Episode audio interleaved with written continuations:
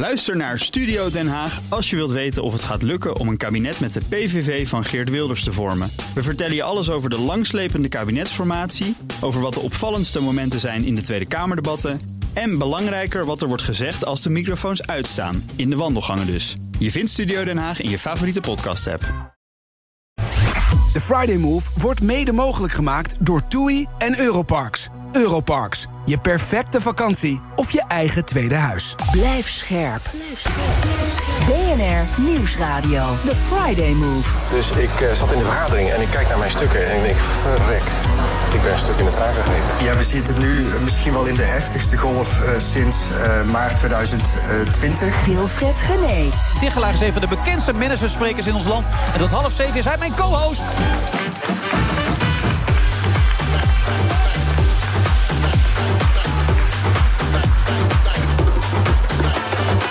Verder schuiven ook uh, Stapel aan, uh, Lade Gul, Lisbeth Staats... en natuurlijk ook Bernard Handelburg... die ooit nog een beetje samengewerkt heeft met uh, onze co-host van vandaag, Ben Tichelaar.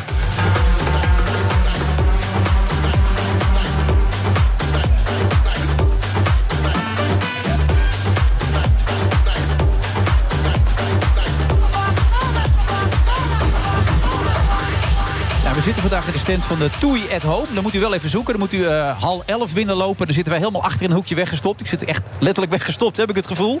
Maar dat maakt verder niet uit. We maken er een topshow van natuurlijk. Zeker als Ben Tichelaar aanwezig is. Een goeroe. Dat is toch de eerste keer dat ik het mag meemaken. Om met een goeroe samen aan tafel te zitten. Ben Tichelaar, hoe is het om goeroe te zijn? Ja, dat is een mooi woord, hè?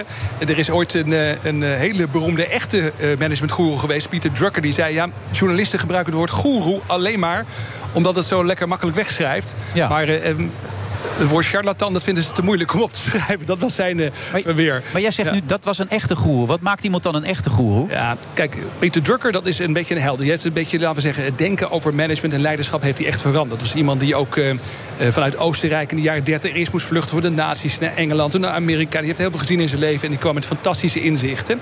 En, uh, wat en, neem ons mee in een van die inzichten. Ik ken er niet, dus één ja. belangrijk inzicht bijvoorbeeld. Peter Drucker is bijvoorbeeld de man die voor het eerst heeft gezegd van als je leiding wilt geven aan anderen, moet je eerst leren om leiding te geven aan jezelf. Dat is zo'n wow. mooie uitspraak van. Pieter Drucker. Heel veel mooie inzichten. Heeft uh, uh, in de allerlei bedrijven meegelopen om daar stukken over te schrijven. General Motors is bijvoorbeeld undercover geweest en heeft hij boeken over geschreven. En, en, mijn werk is toch wat meer journalistiek werk. Dus ik kijk wat heel veel van dit soort onderzoekers, grote schrijvers al hebben geze gezegd en geschreven. En dat, uh, ik zal niet zeggen, vat ik samen, want ik heb ook wel eigen mening erover. Ja. Uh, maar ik ben niet zo iemand die uh, bij wijze van spreken naar dingen kijkt en dan meteen zegt: Oh, en zo moet het. Ik baseer me heel graag op onderzoek van derden. Oké, okay, maar je wilde toch meer toe naar die eigen mening, had ik begrepen uit interviews. Je deed altijd die MBA's voor een dag, begreep ik toch? Ja, dat klopt inderdaad wel. Want dat waren alles een beetje soort mega samenvattingen. Ja. Uh, maar het is wel zo dat uiteindelijk je eigen mening vormen... zonder dat je er iets van onderzoek onder hebt liggen... dat is best lastig. Dus in mijn column bijvoorbeeld voor NRC... daar schrijf ik natuurlijk wel dingen die ik ook echt vind. Ik maak mijn eigen selecties. Maar uh, ik probeer wel iedere keer als ik echt wat sterkere uitspraken doe... probeer ik dat te staven met goed onderzoek. Maar kun je er wel goeroe worden eigenlijk dan? Dat is een goede vraag. Ja, jij gebruikt het woord. Ik gebruik het zelf meestal ja, niet. Ik, ik, lees het wel overal in Nederland. Ja, omdat je hoog genoteerd staat. Je boeken worden altijd uh, zeer goed ontvangen. Ja, daar waar je spreekt worden mensen altijd razend enthousiast. Dus vandaar dat mensen jou een goeroe noemen. Maar... Ja, maar dat heeft ook... Ik noemde net wel eventjes dat voorbeeld hè, van die uh, Pieter Drucker... die zegt van ja, ze schrijven dan goeroe... omdat het woord charlatan te moeilijk te spellen is. Dat is natuurlijk een beetje een flauw grapje. Maar uh, het is wel een beetje zo dat de echte goeroes, zal ik maar zeggen... die relateer ik meer, of die heb ik meer, zeg maar, uh, zie ik in de spirituele hoek. En er zitten ook wel een hele hoop mensen bij die mensen, andere mensen misleiden voor geld. Dus het woord goeroe heeft bij mij niet zo'n hele positieve oh, bijklank. Okay. Dus ik heb je eigenlijk ja. meteen weer beledigd zoals ik vaker nee, mensen nee, nee, helemaal niet. Ja, nee, dat is... Want ik hoor het af en toe. En mensen vinden het makkelijk en kort woord, maar ik, ik voel er zelf niet zo heel veel positiefs bij. Nou, dan gaan we het niet meer gebruiken, dat woord goeroe. Wat, wat drijft je voort, Ben? Ja, wat drijft mij voort? Uh, ik, ik, mocht een tijdje geleden mocht ik zelf in mijn podcast bij BNR mocht ik Frits Spits uh, uh, interviewen. En dat was een buitengewoon leuk gesprek. En Frits Spits die zei er op een gegeven moment van... een van de dingen die hij het allermooiste vindt is muziek die hij hoort... waarvan hij denkt, dat is fantastische muziek. Dat wil hij graag laten horen aan anderen. Toch een beetje de oude onderwijzer. Hij heeft nog voor de klas ja. gestaan en Nederlands gegeven. Ja, dat heb ik nou ook, maar dan niet met muziek zozeer... maar met hele mooie inzichten die gaan over werk, leven. Dingen waarvan ik denk, oh, dat is mooi onderzoek... of dat is scherp gezien. En dat delen met andere mensen, daar heb ik heel veel lol in. Ja, wat brengt je dat dan? Wat, ik probeer me er iets bij voor te stellen dan. Wat, Dat, is, dat is dat fijne gevoel van de korte termijn. Van, dat er een kwartje valt. Die denkt, oh wacht, zo had ik hem nog niet gezien. Die creatieve vonk, die, dat, dat, gevoel, dat gevoel van inzicht. Van nou, eh, dit is leuk, zo had ik het nog niet eerder gezien.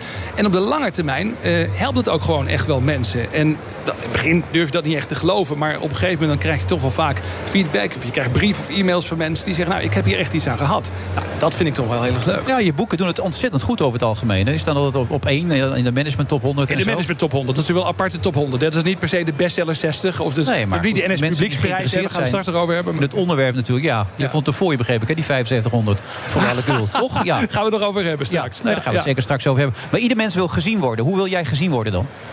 Ik hoop dat uiteindelijk mensen mij zien als iemand die ze een eh, stapje verder heeft kunnen helpen. En niet per se door wat ik nou vind of wat ik dicteer of zo. Maar dat ik dingen aanreik waar anderen van zeggen... Nou, dat zou ik al nog niet gezien en dat helpt mij, dankjewel. Ja. En in hoeverre speelt daar een ego in de rol? Bij jou? Ja, steeds minder. Het grappige is, eh, nou ja, ik hoorde jou een keer op een gegeven moment zeggen in een interview... eh, tot je vijftigste of tot je veertigste, hangt een beetje vanaf waar Ja. je de grens ligt... eh, moet je laten zien wat je kan. En daarna moet je laten zien wie je bent. En ik zit ook een beetje op die grens. Ik ben 52 en ik merk ook dat zo de laatste jaren... dat het voor mij iets minder om de prestatie gaat. Van kijk eens, dit kan ik. Of kijk eens hoeveel mensen we in de zaal hebben zitten weer vandaag. Maar meer dat ik het belangrijk vind om de dingen die ik echt wezenlijk vind... in het leven niet te delen met andere mensen. Ja. Maar in de lockdown, toen de telefoon minder ging... je ook een beetje in anonimiteit kwam omdat je niks kon doen... dat was Nee, toch even spannend. nee, dat is niet zo. Dat viel ook mee. Ja, in mijn werk eh, eh, is er eigenlijk een hele snelle switch gemaakt naar webinars. Ja, dus ik heb, online, Ik, ja. ja. ik doe ongelooflijk veel online sessies. Hele studio thuis voor ingericht, alles erop. Maar je werd niet nerveus. Want ik las ergens dat je er ook wel een beetje nerveus werd in die periode even. Van hoe zou het zijn? eh, Wat ja, maar dat duurde, ja, ik word heel snel nerveus, maar dat duurde een paar dagen. Want het grappige is, je werkt natuurlijk niet alleen. Er is een heel netwerk van mensen met wie je samenwerkt. En dat geldt denk ik voor de meeste ondernemers. Dus er waren wel een paar mensen die meteen aan de telefoon hingen. Die zeiden van, hey Ben, we moeten een eh, webinar doen. Waren bijvoorbeeld mensen van de tijdschrift Management Team Sprout. Of eh, mensen van Denkproducties, waar ik veel seminars mee doe. En eh, die begonnen eigenlijk heel snel die switch te maken naar online seminars. En zeker in de begintijd, de eerste weken van die lockdown... was het ongelooflijk hoeveel mensen dat ook fijn vonden... dat er iets werd georganiseerd. Maar waarom word je snel nerveus dan? Nou, dat is omdat ik het fijn vind om de dingen een beetje onder controle te houden. Daar probeer ik aan te werken. Ik probeer dingen wat meer los te laten. Maar ik ben wel een beetje een perfectionist en ook wel een beetje een control freak. En dat, dat past natuurlijk ook wel als je schrijver bent. Dan heb je van de eerste tot de laatste letter heb je de volledige controle bijvoorbeeld over een column die je schrijft voor de krant. Eh, maar als je bijvoorbeeld, wat ik ook wel eens doe, in een debat zit, ja, dan is toch minstens de helft van wat je eh, zeg maar wat er voorbij komt, komt van de ander. Dat geldt ook een beetje bij een interview. Dus dan moet je de controle een beetje loslaten.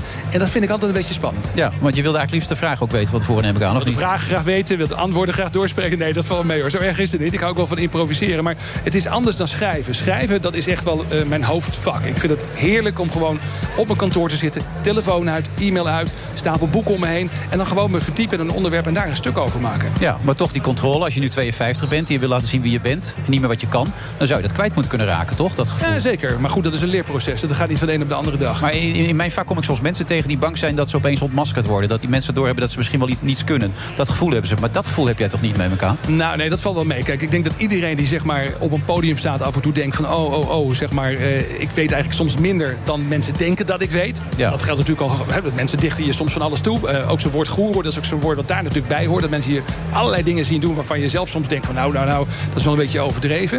Maar eh, ik weet wel wat ik kan, ik weet ook wat ik niet kan. En ik vind het altijd heel erg aansprekend. Ik mag soms af en toe ook hele eh, nou ja, beroemde gasten interviewen. Een tijdje geleden was Barack Obama natuurlijk, ja. Barack Obama, ja. Ja. precies. Maar ook eh, Daniel Kahneman, een van de beroemdste psychologen in de wereld.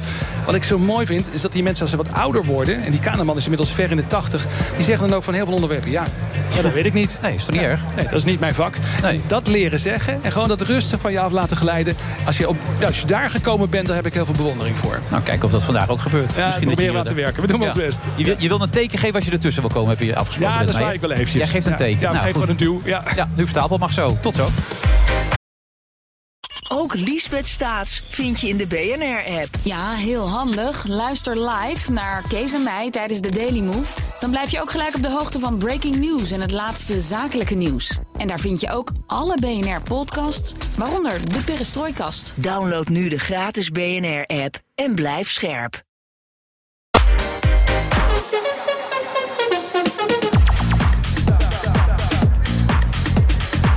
Vrijdag 19 november. We zitten op de Masters Expo. Je kunt langskomen als je het wil. Zaal 11, een beetje achterin bij Toei at Home. Ik zit samen met Ben Tichelaar. Geen goeroe dus. Maar iemand die wel veel weet van management. Ook van veranderingen en zo binnen bedrijven. Je moet wel zelf willen veranderen en kunnen veranderen... voordat andere mensen kunnen veranderen, toch, Ben? Ja. Het helpt om in ieder geval dingen op jezelf uit te proberen... voordat je anderen gaat vertellen hoe het moet. Zeker weten, ja. Je, je bent al hoe lang gelukkig getrouwd? Uh, oh, al best wel lang. We hebben deze week net gevierd, uh, of vorige week net gevierd, mijn vrouw en ik... dat we uh, 35 jaar bij elkaar 35 jaar? Niet getrouwd hoor, maar 35 jaar bij elkaar. Dat vieren we ook ieder, ieder Maar jullie zijn toch wel getrouwd? Want je bent, zijn wel getrouwd, bent ja, zeer ja. christelijk ingesteld. Dus ik neem aan dat er wel een briefje is gehaald, toch? Ja, kerk? ja, zeker wel. Ja, dat hebben we wel gedaan. Maak je geen zorgen. Oké.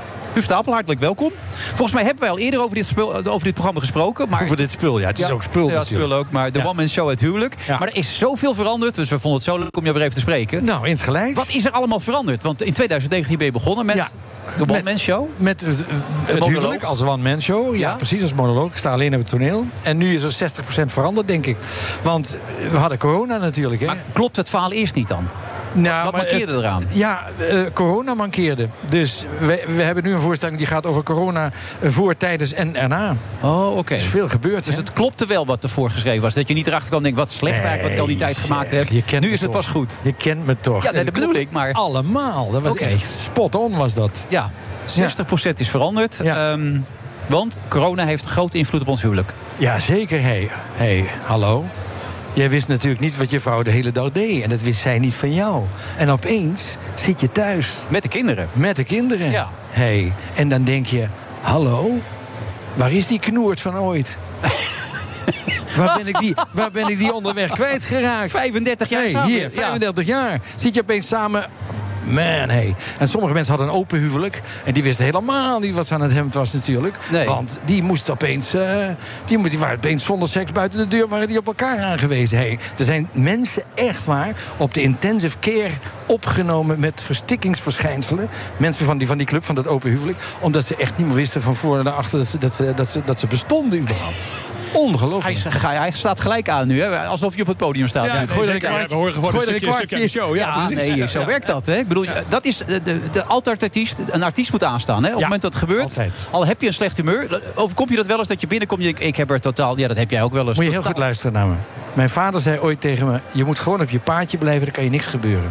Als je van je hobby je beroep kunt maken, zoals in mijn geval. En dat gaat ook nog 40 jaar met redelijk succes. Behoorlijk succes, Hè, ja. Toch? Ja. Dan mag je nooit één dag met tegenzin naar je werk gaan. Je denkt toch niet dat ik naar, naar, naar Vlissingen rij of naar Groningen rij.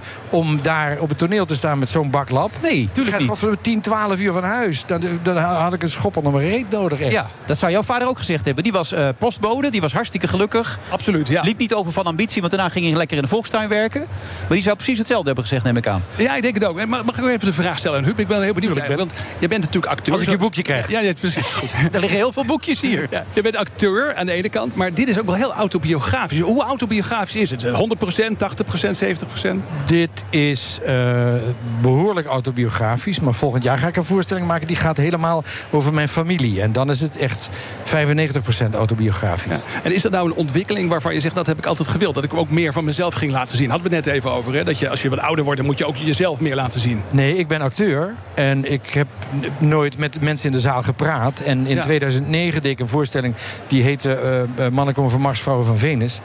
En die heb ik voor een half miljoen mensen gespeeld. Opeens liep dat helemaal uit de klauwen. En speelde ik dat meer dan 400 keer. Ja. En daar had ik natuurlijk überhaupt nooit van gedroomd als acteur. Want dan als, als acteur speel je een rol. En opeens stond ik met de zaal te lullen. Ja, En- precies. Je deed eigenlijk een beetje wat ik in mijn werk ook doe. Dus Precies. les, lesgeven, Precies. levenslessen Nou ja, delen. Ik leer mensen wel spreken in het openbaar. Want ik ben eigenlijk ook docent drama. Ik leer mensen spreken in het openbaar.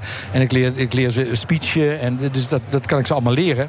Maar dit zo, één op één op de zaal... eh, door de vierde wand breken... Ja. dat was natuurlijk niet wat ik eh, altijd had gedaan. En wat is nou echt iets autobiografisch, iets van Huub Stapel... van je zegt dat is nou een les die zit in deze show... en dat heb ik echt zelf ook door schade en schande moeten leren. Eh, eh, kijken. Mannen kunnen niet kijken. Mannen kunnen... Ik zit s'avonds op de bank thuis en ik ga naar de keuken omdat ik trek heb. Hè, honger mocht ik niet zeggen, maar ik heb trek. En ik doe de ijskast open en ik kijk in die ijskast. En ik kijk nog eens en ik kijk ook in de deur. Ik kijk heel goed. En ik denk, kut. Ik zeg, schatje, is er geen yoghurt? Is er geen yoghurt? Ja. Ja hoor, ja, er is yoghurt.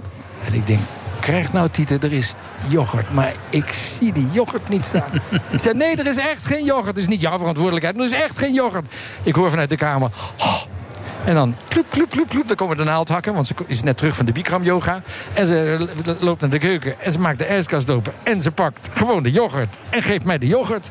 Op ooghoogte stond die. Ik heb hem niet Ja, gezien. Precies, recht voor je. Nee, je kent dat wel. Ik herken dat wel. Maar, Maar dat hoe is dat te verklaren trouwens? Ja, ik heb dat dus ook. Hoe kan dat nou? Dat gaat helemaal terug tot, tot het Pleistocene, zou ik maar zeggen. Tot, tot de, de pre-Neandertaler. Ja. Mannen keken in de verte. Mannen keken waar het gevaar zat. En vrouwen keken perifeer, noemen ze dat.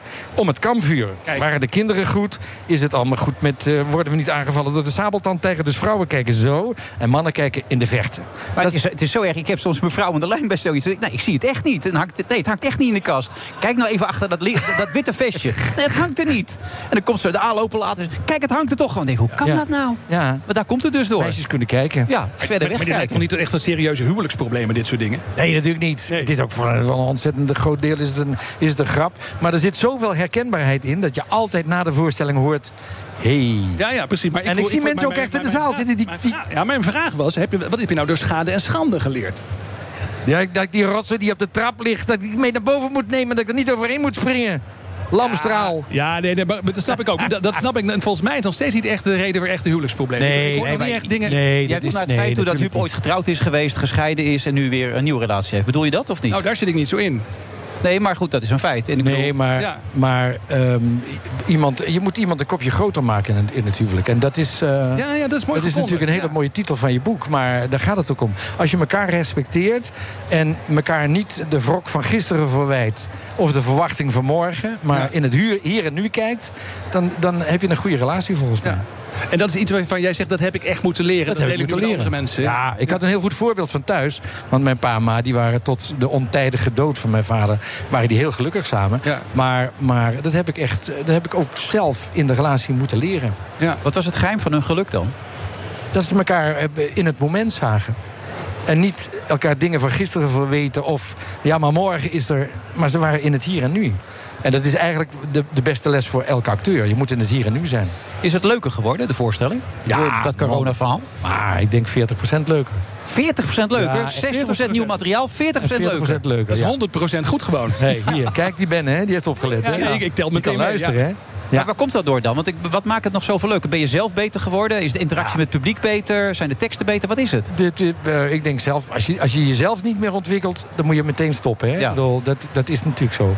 Eh, dus ik ben zelf een jaartje beter geworden. En Maar hoe merk je dat je beter wordt dan? Leg me dat eens uit. Want ik bedoel, ik vind dat ook. En ik denk dat Ben dat ook zegt. Je het wilt is het blijven gemak, groeien. met, het gemak met, met, eh, waarmee je op het toneel staat. Dat is, ja, ik, ik, ben, ik sta inmiddels 40 jaar op alle tonelen. En ik Ja. speel meestal rollen. Maar ik heb ook dingen gepresenteerd. En, Ja, vanavond weer een nieuw programma, begrijp ik toch ook? nee, dat is volgende week, hè? Oh, is volgende week Ja, pas? 26 maart, langs de Maas. Ja, Dat is de opvolger van Langs de Rijn. oké. Ehm, ja, we- praten met de zaal. Als je, als je een voorstelling 40 keer speelt en je hoort allemaal mensen dingen roepen.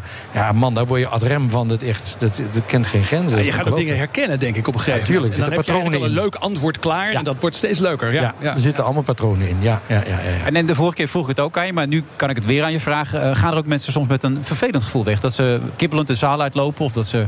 Ik heb het nu nog niet gehoord, maar na Mars Venus kreeg ik een e-mail van een mevrouw. Die mijn adres had achterhaald via mijn agent. En die zei: Ik was in de voorstelling en ik was 34 jaar getrouwd. En ik dacht gelukkig. En nu ben, zijn we thuisgekomen na het zien van jouw voorstelling. En ik heb tegen mijn man gezegd: Pak je koffer. en binnen drie dagen moet je de hut uit. Ja. Want, wa- want waarom? Nou, eh, omdat ze opeens zag wat voor een pannenkoek het was. Oké, zo en ook misschien van wat die Huub Stapel allemaal doseert, dat leer jij toch nooit? Dat leer je nooit. Nee, Nee, nee, precies. precies. Ja, precies. Als je met een dwaallicht getrouwd bent en je zit inderdaad thuis tijdens corona en je denkt: hé, hey, hallo. Maar wie, wie is die pannenkoek met wie ik hier... Die heb ik nooit gezien, want ik had het veel te druk. Ik had een Ja, heel best- groot best sociaal leven. ja, best wel risicovol om naar zo'n voorstelling te gaan, hoor Dus, ik wel. dat, Ja. kan, dat kan je de kop kosten. Even uh, corona-technisch, ik bedoel, eh, maak je je zorgen of niet? Ik Met maak me heel grote zorgen. Ja. Want ik bedoel, je bent net wel lekker begonnen. Ik ben net 14 voorstellingen ver en het zou zomaar kunnen zijn. Gisteravond zaten er nog 600 in Roosendaal. En ik ga niet voor 30 of 40, eh, allemaal een meter uit elkaar. Want dan kun je net zo goed stoppen. Dan kun je net thuis tegen de muur gaan staan praten. Want er ontstaat er nooit cohesie in de zaal. En dan, dan gebeurt er gewoon helemaal niks. Ah, het zou toch zo zonde zijn. 40% beter, man, hoor ik net van, Ja. eh, van jou. Dus eh, dat moeten de mensen gezien hebben. Ja, dan moeten de mensen gezien hebben. Kunnen mensen er nog naartoe? Of is alles al helemaal vol? Nee, nee, nee, mensen kunnen er nog naartoe. Er zijn kaarten. En, en kun je die toevallig ergens bestellen? of zo? Of is dat Bij, bij, bij totaal theater. Bij theater? Op de, op de site van theater. Alle theaters hebben eigen websites en dan kun je Oh, je hebt niet een centraal Ja, huubstapel.nl? ook de- ja, heb je ook. Je hebt de nationale theaterkassa. Niet kopen bij anderen, bij oplichters, want dan betaal je dubbele voor de kaarten. jee. je hebt de nationale theaterkassa. Dat is legitiem en dat is betrouwbaar en dan zit je altijd goed. Ja, dus even zoeken dan, maar er zijn nog kaartjes. er zijn nog Eh, wa- wat zou je nog beter kunnen, denk je? Als je het dan toch over groei hebt. Waar, waar, waar streef je zelf nog naar dan? Nou, een salaris van 6 ton per jaar. Als het 9 zit hij op 9 inmiddels. Ik moet een soort mecenas hebben als John de Mol. Die ziet mij, ja, ik weet het niet. Hij kent mijn meisje heel goed, maar mij, hij ziet me niet staan. Moet ik een Terwijl die Wendy van Dijk heb ik gehoord, verdient 2 miljoen per jaar. Hé. Echt waar? Ja, heb ik gehoord. Ik weet het niet. Mijn god. Maar de, de, ja, dus ik denk er het mijne van. Ja. Proost, hè? Nou ja, succes dan, Huub. Spreek je snel weer. Ja, heel goed. Ook Harm Edens vind je in de BNR-app. Je kunt BNR Duurzaam niet alleen live luisteren in de app, maar ook terugluisteren als podcast, zoals al onze podcasts. En naast dat de BNR-app Breaking News meldt, houden we je ook op de hoogte van het laatste zakelijke nieuws. Download nu de gratis BNR-app en blijf scherp. Blijf scherp, blijf scherp. BNR Nieuwsradio. The Friday Move. Nou, als het aan mij ligt, moeten we het nu niet hebben over 1G, 2G of 3G. We zijn er nog niet, eh, maar dat zit hem vooral in het feit dat de onzekerheid rondom corona onverminderd groot is. Wilfred Gené. 2G, 3G, Wilfred Gedee. Het is een gek huis aan het worden op dit moment in Nederland. Maar u luistert naar de Friday Move.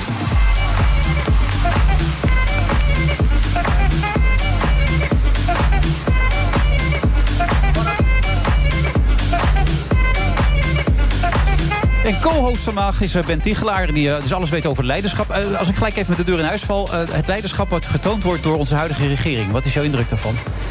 Ja, het is een demissionair kabinet. Dus het is heel moeilijk om dan leiderschap te tonen. Maar het is natuurlijk wel zo. Je zou zeggen, het wordt tijd dat er weer eens een echte regering komt. Het duurt al een beetje lang. Ja, en nieuw leiderschap, wat zou dat moeten zijn? Zoals Kaag dat be- bespleit? Ja, dat is natuurlijk een hele mooie belofte. Maar het is echt wel belangrijk bij sommige onderwerpen wat verder vooruit te kijken. En, en daar houden natuurlijk, zeg maar, moeten we ook een beetje eerlijk zijn. journalistiek, bevolking en politiek houden elkaar daarbij een beetje in de tang. Want het gaat altijd over de dingen die vandaag spelen. Mhm. Het gaat altijd over de korte termijn. Terwijl echte problemen, zoals bijvoorbeeld in de zorg of eh, huisvesting voor jongeren, om eens wat te noemen. Dat zijn geen problemen die je in een eh, regeerperiode van vier jaar zomaar even kunt oplossen.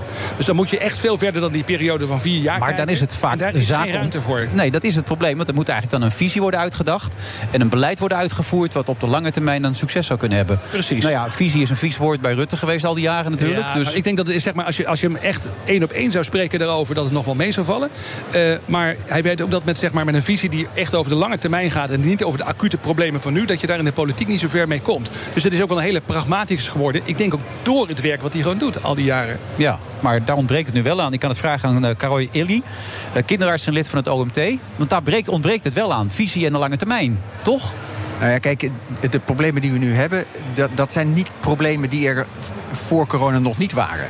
Dus dit, de, de, problemen waar we nu tegenaan, die capaciteitsproblemen in de zorg, ja, dat, dat, is, dat komt nu natuurlijk keihard tot uiting. Ja. Maar eerlijk gezegd hadden we die natuurlijk uh, voor maart uh, 2020 hadden we die ook al. Maar dat is heel bewust gedaan. Er is afgeschaald, er zijn veel bedden op die IC weggehaald. 70.000 man personeel volgens mij uh, mocht afvloeien op een gegeven moment. Dat heeft met beleid te maken. Jazeker. Uh, tegelijkertijd is daarvoor is ook al de noodklok geluid door ontzettend veel instanties. Vooral om het, aan, het, het vak van verpleegkundigen aantrekkelijker te maken. Want dat, dat is eigenlijk waar we nu... Te, we hebben niet een tekort aan bedden, we hebben niet een tekort aan beademingsapparatuur. We hebben een tekort aan verpleegkundigen. Ja. Daar draait het om. Maar is ons probleem op dit moment de ziekte... of is het feit dat we ons zo slecht voorbereid hebben hierop? Of uh, ingesteld hierop zijn? Nou, er zijn eigenlijk best wel veel problemen. Maar het probleem is dat we, dat we sowieso al een capaciteitstekort hadden. Ja.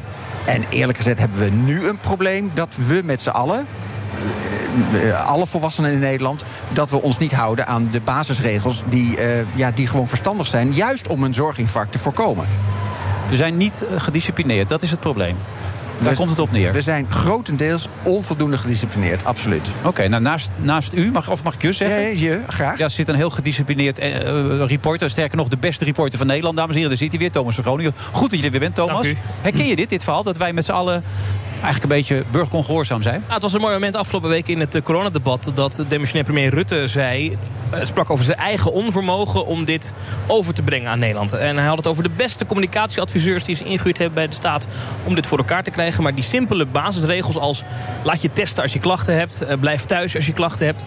ja, dat wordt niet voldoende gedaan door Nederland. En hij zegt, ja, het is toch ons onvermogen... en dat vindt hij heel erg jammer... dat het hem dat niet lukt om het over te brengen op Nederland. Er zit, er zit ook, als ik even iets mag zeggen, er zit ook wel een te groot vertrouwen in communicatie in. Ik, ik ben toevallig, ik, ik heb communicatiewetenschap ooit Ja, gestudeerd, dus ik zeker, moet daar dan even iets van zeggen. eh, deskundige hier Maar naast het mij. effect daarvan, eh, van dit soort eh, boodschappen, net even iets anders vertellen of weer een beetje anders vertellen. De verschillen daarin in effect zijn niet zo heel erg groot. Met communicatie kun je maar een bepaald eindje komen als het gaat om het veranderen van gedrag van andere mensen. Maar als je echt rigoureuze gedragsverandering wilt bij grote groepen mensen, moet je veel verder gaan dan alleen communicatie. Wat dan? Nou, dan moet je ingrijpen in de directe leefomstandigheden van mensen. Dat betekent dus dat je boetes moet zetten op dingen die je niet wilt. Of subsidies op dingen die je wel wilt. Dat je de straten anders gaat inrichten. Als je wil dat mensen niet tegen elkaar inlopen, bijvoorbeeld in een winkelstraat. Dat we zagen vorig jaar. Dan moet je gewoon dranghekken in het midden zetten. En dan moet je eh, van die, eh, hoe heet die ook weer? Die mensen die meehelpen, BOA's geloof ik. BOA's, ja. BOA's bij de ingang zetten. Die het eenrichtingsverkeer reguleren. Doe je dat niet, loopt iedereen toch tegen elkaar in. En dat is geen onwil. Dat is niet dat mensen zeggen, nou, ik heb er geen zin in. Of vind het allemaal onzin. Maar ja, we handelen vooral uit gewoonte. Ja, Roy wil reageren volgens Nou mij, ja, toch? Ik, ik, ik begrijp wat je zegt. Eh, tegelijkertijd heeft dit ook met de volksaard te maken. Want eh, in, in, bijvoorbeeld in Zweden, daar hebben ze ongeveer dezelfde maatregelen. En daar houdt de volksaard in Zweden is gewoon... we houden ons aan de, ma- aan de maatregelen, aan de adviezen, et cetera. En daar hebben ze dus ook veel minder problemen dan bij ons. Ja, maar dat klopt. Maar volksaard is natuurlijk een optelsom van gewoontes. Dus als er al bepaalde gewoontes zijn, is het heel makkelijk om daarbij aan te sluiten. En dan hoef je ook niet zoveel te veranderen. Als je Kopenhagen bijvoorbeeld, hè, als je daar door rood licht fietst in de stad, dan zijn er allemaal mensen om je heen die je terugfluiten. Die zeggen: hé, hey, dat doen wij hier niet. Dus dat is een heel ander soort maatschappij dan die van ons bijvoorbeeld. Maar dat straffen en dat belonen, eh, geloof je daarin, Karoy? Nou, kijk. ehm, we moeten wat. Hè. Er, er is geen twijfel over mogelijk. Eh, als, we, als, als we zo doorgaan, dan gaan we daadwerkelijk in zo'n. wa- Wat, wat Diederik Gommers wel eens eerder genoemd heeft, de code zwart. Daar gaan we dan in terechtkomen. Dat willen we helemaal niet. Nee. Dus eh, ja, het- linksom of rechtsom. eh, of we houden ons allemaal aan de afspraak. En wat mij betreft is dat. Er zijn allemaal afspraken waar, waar men zich niet aan houdt. Bijvoorbeeld het thuisblijven bij klachten. Eigenlijk de meest normale, zinvolle, verstandige regel. 50% van de Nederlanders houdt zich daar niet aan. Thuis blijven, thuis werken bedoel ik, eh, als het echt niet anders kan. Nou, Iedereen rijdt gewoon, eh, Iedereen naar zijn rijdt werk gewoon door. Op meer files dan voor corona. Ja. En de laatste, vaccineer je. Het is, het, is, het, is, het is veilig, het is verstandig. Als gewoon iedereen zich zou laten vaccineren. Dus die drie maatregelen. Ja, het is te gemakkelijk voor woorden eigenlijk. Maar we houden ons er niet aan. Dus ja, dat betekent dat als, als we dat niet doen. En als we dat de komende week, twee weken ook niet doen. Dat dan ontkomen we niet. Maar dat vaccineren valt toch wel een beetje tegen. Als je er heel eerlijk bent. 87% is gevaccineerd. En we zien nog steeds overal de besmettingen toenemen. Dat zou toch op een gegeven moment wel een gevoel moeten opleveren. Het is nu veilig. Nou, het is om te beginnen veilig om je te vaccineren. Maar nog altijd is het zo dat de vaccinatiegraad onvoldoende is. En dat komt door deze Delta-variant. Die is nou eenmaal... Ja, want het vaccin wat je er neemt, dat, dat helpt daar niet tegen. Dat helpt zeker, maar, eh, maar dat, dat... Is daar niet op afgestemd? Is, is, leidt in ieder geval nog tot, tot besmettingen. Ja. Maar je, je neemt iets wat niet tegen de Delta-variant helpt. Daar komt het op neer. Het werkt ook tegen Delta, want ook met de Delta... Je wordt minder zwaar ziek. Dat is het punt. Ja, de kans maar dat het je... werkt er niet 100% tegen. Dat is absoluut zo, maar, maar nog altijd even een, een getalletje. De kans dat je als ongevaccineerde op de IC terechtkomt... is 33 keer hoger dan als gevaccineerde. Om maar even duidelijk te maken... Drie- 33 keer hoger. 33 keer Dat is hoger. wel Dus het veel meer dan heel veel mensen denken volgens Zo mij. is het. Eh, Dus het is echt heel serieus belangrijk... dat iedereen zich gewoon laat vaccineren. Ja, en het feit dat ze nu alweer aan, aan het uitwerken zijn, dat we weer een booster nodig hebben. eh, kun je je voorstellen dat er toch ook bij mensen het gevoel ontstaat: zou het nog wel kloppen allemaal? Dat je er onzekerheid over krijgt?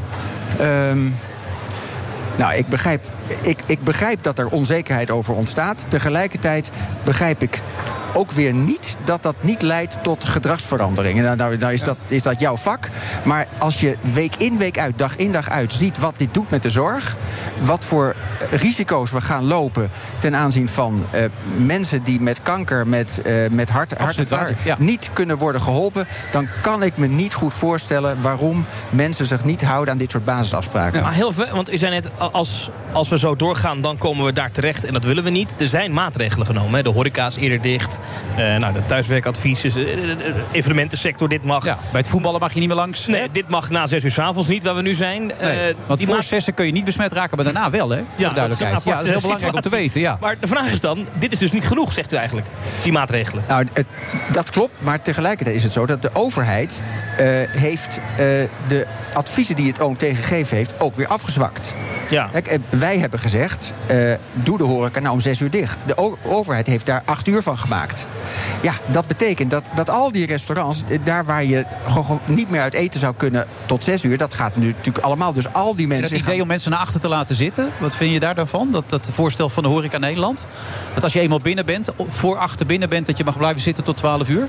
Want ja, of je nou voor achter of achter, na achter... Nee, zijn maar, dezelfde maar, mensen. maar ons advies is geweest, sluit het om zes uur. Ja. ja. Maar nu dat toch niet besloten is, eh, dat heeft ja, de horeca maar, ja, maar goed, eh, maar dan moet je me niet vragen of het dan tot, na acht uur nog open Nee, die mensen ik komen niet ik- sluiten ik dan eigenlijk een beetje zeggen van ze willen toch gewoon iedereen te vriend houden voortdurend. En dat gaat niet op dit moment. Nee, dat gaat gewoon niet. Het, het is niet anders. En dan moeten er misschien niet meer steunpakketten. Dat kan zijn. Maar, maar de schade die we aanrichten aan, aan de maatschappij, aan zieken in deze maatschappij, is zoveel groter dat we dat ons niet kunnen permitteren. En voor, voor je het weet, want de- de- daar gaan we misschien nog over hebben. Voor je het weet gaat weer iemand zeggen dat de scholen dicht moeten. Nou, dat zou toch helemaal. De scholen moeten dicht, toch of niet? Ja. Nou ja, Jullie is- zijn vandaag samengekomen, toch, met de OMT? Is, is dat serieus besproken? Nou, het onderwerp is besproken, maar eh, het is wat mij betreft ondenkbaar dat we kinderen de dupe laten worden van een probleem wat volwassenen, eh, wa- waar vooral volwassenen Als ik bij mijn zoontje op school kijk, dat is, het is een slagveld daar. Die moest vorige week ook weer thuis blijven. Van de week moest weer een paar dagen thuis blijven. Omdat er te veel besmettingen zijn. Je, je houdt het bijna niet tegen. komt voor. Eh, ik heb het vandaag even gecheckt. In Amsterdam zijn 60 klassen naar huis gestuurd. Ja. Maar, op, op hoeveel? Maar dat wou ik zeggen. Op de 25, 2500 klassen in Amsterdam. Dus het moet, we moeten het ook wel in perspectief zien. En natuurlijk is het vervelend voor die 60 klassen. Voor al die kinderen in die klassen. Maar Hij mag elke week niet voetballen. Dat vind ik ook heel vervelend. Daardoor. Hij mag wel voetballen, maar Nee, want de het hele team moet in quarantaine Oh, dan. Dus die kunnen dan niet voetballen. voor- als je voor de klas staat, lijkt me het wel vervelend. Want je weet dat kinderen op dit moment zeg maar, de, ja, de grootste verspreiders zijn. Nee, dat is niet waar. Oh, dat dacht ik. Nee, niet de nee maar dat is, het, het zijn, het is de, de groep met de meeste besmettingen. Dat is niet hetzelfde als degene die het meeste verspreiden. Oh, dat is goed om dat even te weten. Het is fijn om dat verschil even te horen. Maar ik kan voorstellen, dus als je dus weet dat er heel veel besmette kinderen in jouw klas potentieel zitten, dat het voor een leraar ook niet zo fijn is om voor die groep te staan. Die voelen zich hoor je ook uit de onderwijswereld hoor je dat ook. Dat bedonderd. Die zeggen, we, we, voelen ons niet veilig. We willen eh, andere maatregelen in het onderwijs. Ehm, en dit is ook wel iets wat je in de Tweede Kamer toch wel steeds meer hoort bij partijen die belangrijk zijn voor het kabinet. Om bijvoorbeeld een meerderheid te krijgen voor 2G. Denk aan de Partij van de Arbeid. Eh, die pleit nu toch echt voor lockdown-achtige maatregelen voor een paar weken. Om daarna te kijken.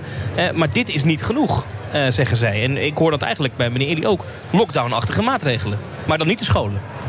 Niet de scholen. De, de, de, Maar de kroeg wel dicht. Nou ja, kijk, eh, eh, de, ja. de maatregelen. De Masters Expo? De maatregelen. de- nou ja, kijk, die, nu sluiten.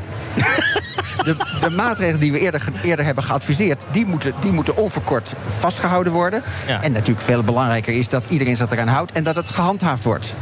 Ja, maar we hoorden net al dat gedragsverandering dat dat heel moeilijk is. Nou ja, kijk, grappig moeten methodes vacci- toegepast, vaccineren, vaccineren werd natuurlijk net genoemd. Kijk, vaccineren vergt een eenmalige beslissing. Dat is veel makkelijker om mensen zover te krijgen dat ze dat doen... dan dat ze zeg maar hun gewoontes gaan veranderen. Dus in de Maar regel... is dan een methode in Oostenrijk dat eh, ongevaccineerden dus in een soort lockdown worden gezet? Dat is dan de manier waarop het moet. Nou, ik zeg niet dat dat de goede manier is om te doen. Maar het gaat erom dat je je niet verkijkt op het effect van communicatie. Als je denkt, ik ga stevig communiceren. Ik breng het nog eens een keertje heel duidelijk.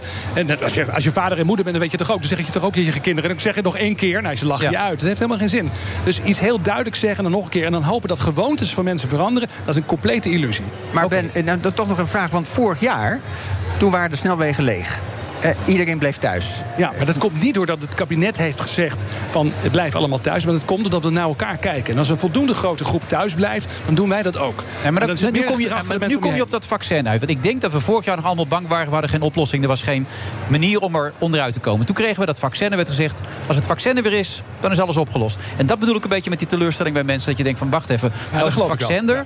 En dan kunnen we nog steeds besmet raken overal. Hoe, hoe, hoe werkt dat? En dat is het gevoel volgens mij wat er nu speelt. Maar die begrijp ik. Ehm, en daarom zeg maar dat, dat. De opmerkingen die zijn geplaatst over dat vaccin, dat waren opmerkingen die golden in de pre-Delta variant. Ja. De, bij de Delta variant dat is gewoon simpelweg een besmettelijker variant. En dat betekent dat we een hogere vaccinatiegraad nodig hebben om de hele maatschappij te beschermen.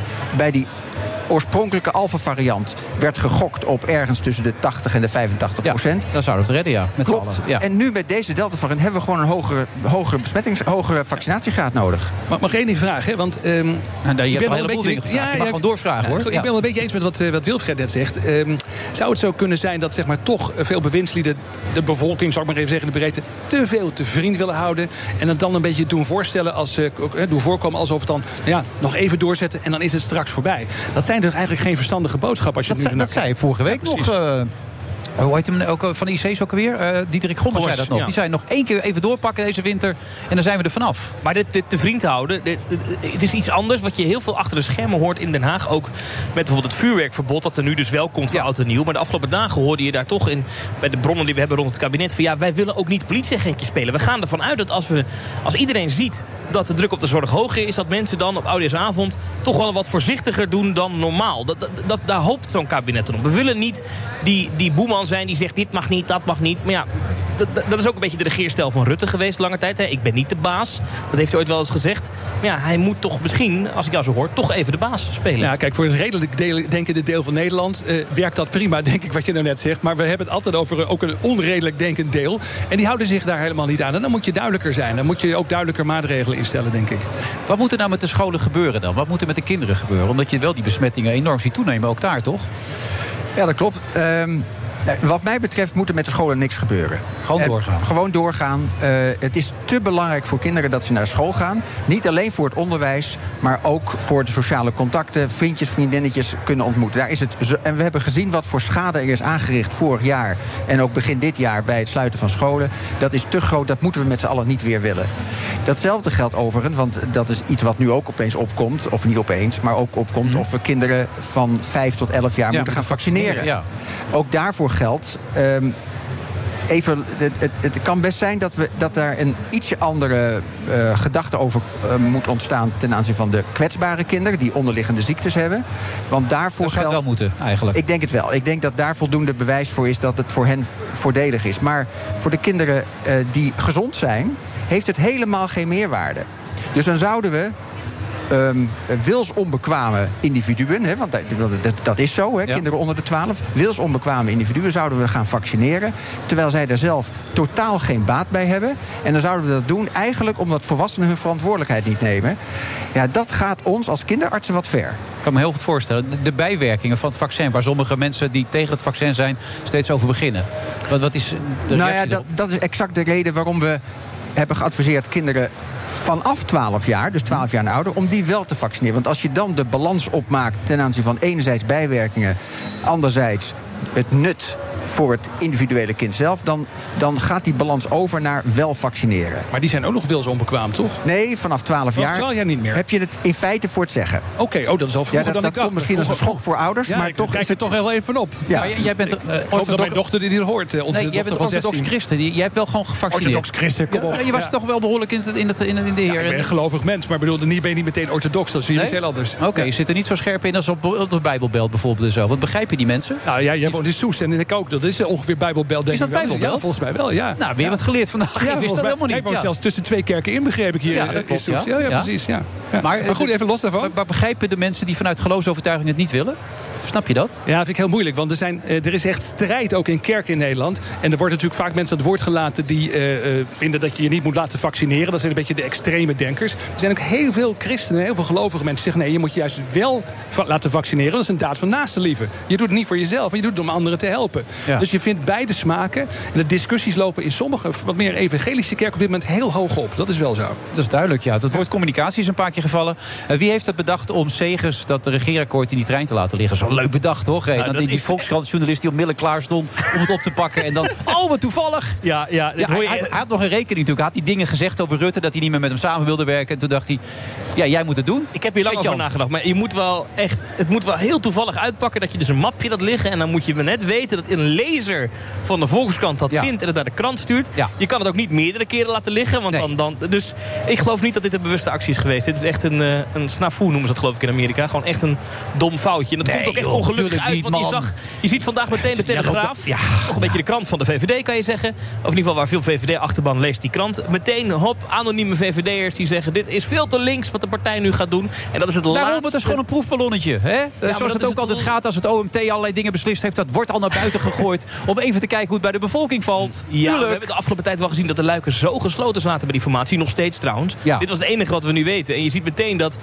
En het is echt het laatste wat ze Rutte willen. En al die andere mensen zeggen, ah, dat is een menselijk foutje, kan gebeuren enzovoort. Jij gelooft er niet in. Moest even de rekening moest eh, vereffend worden natuurlijk. Omdat hij die dingen geroepen had eerder dit jaar. Dus jij, moet ja. even die dingen lekken. Ja, dan Ja. krijg jij even de schuld ervan. Maar toch, de VVD eh, merkt nu wel dat de achterban roert zich en zegt... dit is veel te links, te progressief. ja, nou, dat, gaan is ze het weer een beetje bijschaven nu natuurlijk. Ah, ja, zo werkt dat toch? Winnen. Ja, Ja. ja. Dus dat is toch ki- kibono. Weet je, wie profiteert hiervan? Ja. Jij denkt dat is, eh, dat is toch de, eh, de ChristenUnie die hier ook van profi- profiteert. Van dat eh, laten liggen van die papieren. ja, die moet toch samenwerken straks. Dus dat, als je erbij wil horen, moet je even op de bank zitten. Maar jij krijgt hier ter plekke wel wat les in eh, parlementaire journalistiek eerlijk Altijd. gezegd. Wilfred is mijn mentor. Ja, maar In, in, in dat kader nog even. Het OMT is vandaag bij elkaar gekomen. Ik krijg net de indruk dat de regering niet echt luistert. Althans, die nemen het niet echt helemaal over en niet heel serieus. Wat is er vandaag besloten dan? Nou, ik, ik wil niet zeggen dat ze het niet serieus nemen. Ze nemen het ongetwijfeld serieus. Maar het is zo dat het niet... eh, ze, ze hebben het afgezwakt. Dat, Ja. dat is, dat, en dat is jammer. Ehm, Maar hebben jullie vandaag de noodklok geluid? Met z'n allen? we hebben, we hebben, het is ons heel erg duidelijk geworden op basis van de modellen... Want dat gaat allemaal via die modellen... Ja. Dat, dat, eh, dat, is, dat het niet eventjes is van de afgelopen week... maar dat dat ook voor de komende periode met ongewijzigd beleid... een serieus probleem is. Dus wat we nu hebben afgesproken is dat we eh, daar volgende week weer op terugkomen... om te Maar als ik dit zo hoor, meneer Illy, ik ga even meneer Illy zeggen nu, hè, dat, dat, als ik het zo hoor, die drie weken die worden verlengd en dat wordt alleen maar strenger. Als ik het zo hoor. Volgende week vrijdag persconferentie. Nee, nee, dat kunnen we nu bij- deze vast vaststellen volgens mij, meneer Illy, toch? het wordt strenger. Het, het, het- in ieder geval met het huidige beleid en we de huidige, redden. Het moet strenger. handhaving, daar komen we er niet. Dat is En ik heb meteen vinden dat het strenger moet. Dat hoor Ja, ik wel. En ik hoor ook dat meneer Tichelaar zeggen, Ben, die zegt we moeten echt meer gaan straffen en belonen, anders gaat het niet gebeuren. Dus het wordt strenger. Alleen de scholen blijven open dan. De, sch- de scholen blijven... De restaurants gaan dicht. Dat was weet veel vroeger. Dat, dat Evenementen niet, worden maar- minder. Maar de, het restaurants hebben... de- eerder hebben we natuurlijk al gezegd... de restaurants zouden, wat ons betreft, om zes uur dicht moeten.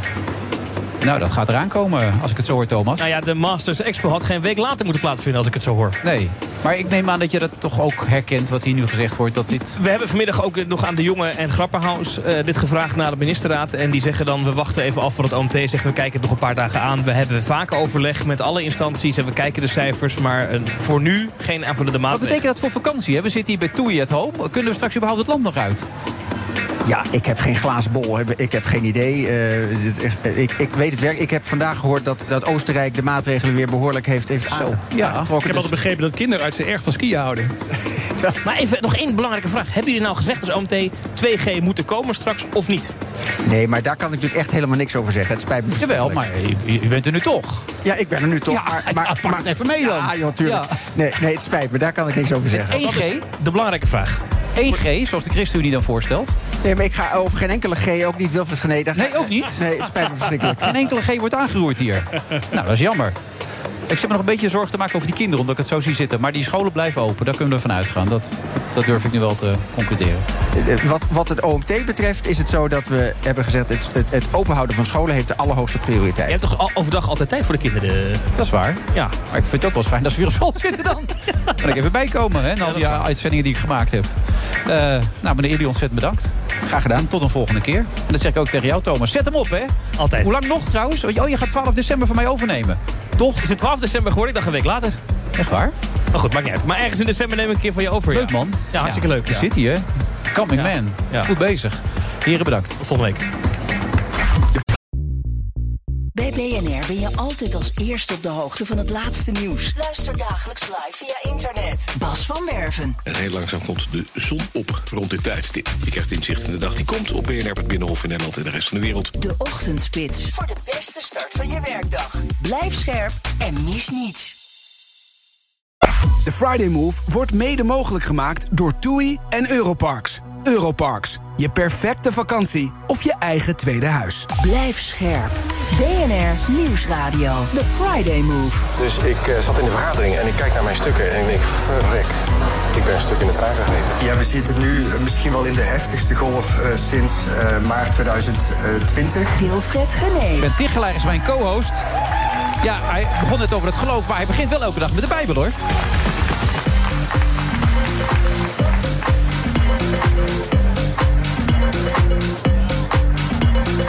En inmiddels ook aangeschoven onze eigen Bernard Hammelburg. Oh, die heeft pinda's in zijn mond. Nou, Bernard, ik ga eerst gewoon andere dingen doen. Hè? Ga lekker die pinda's eten.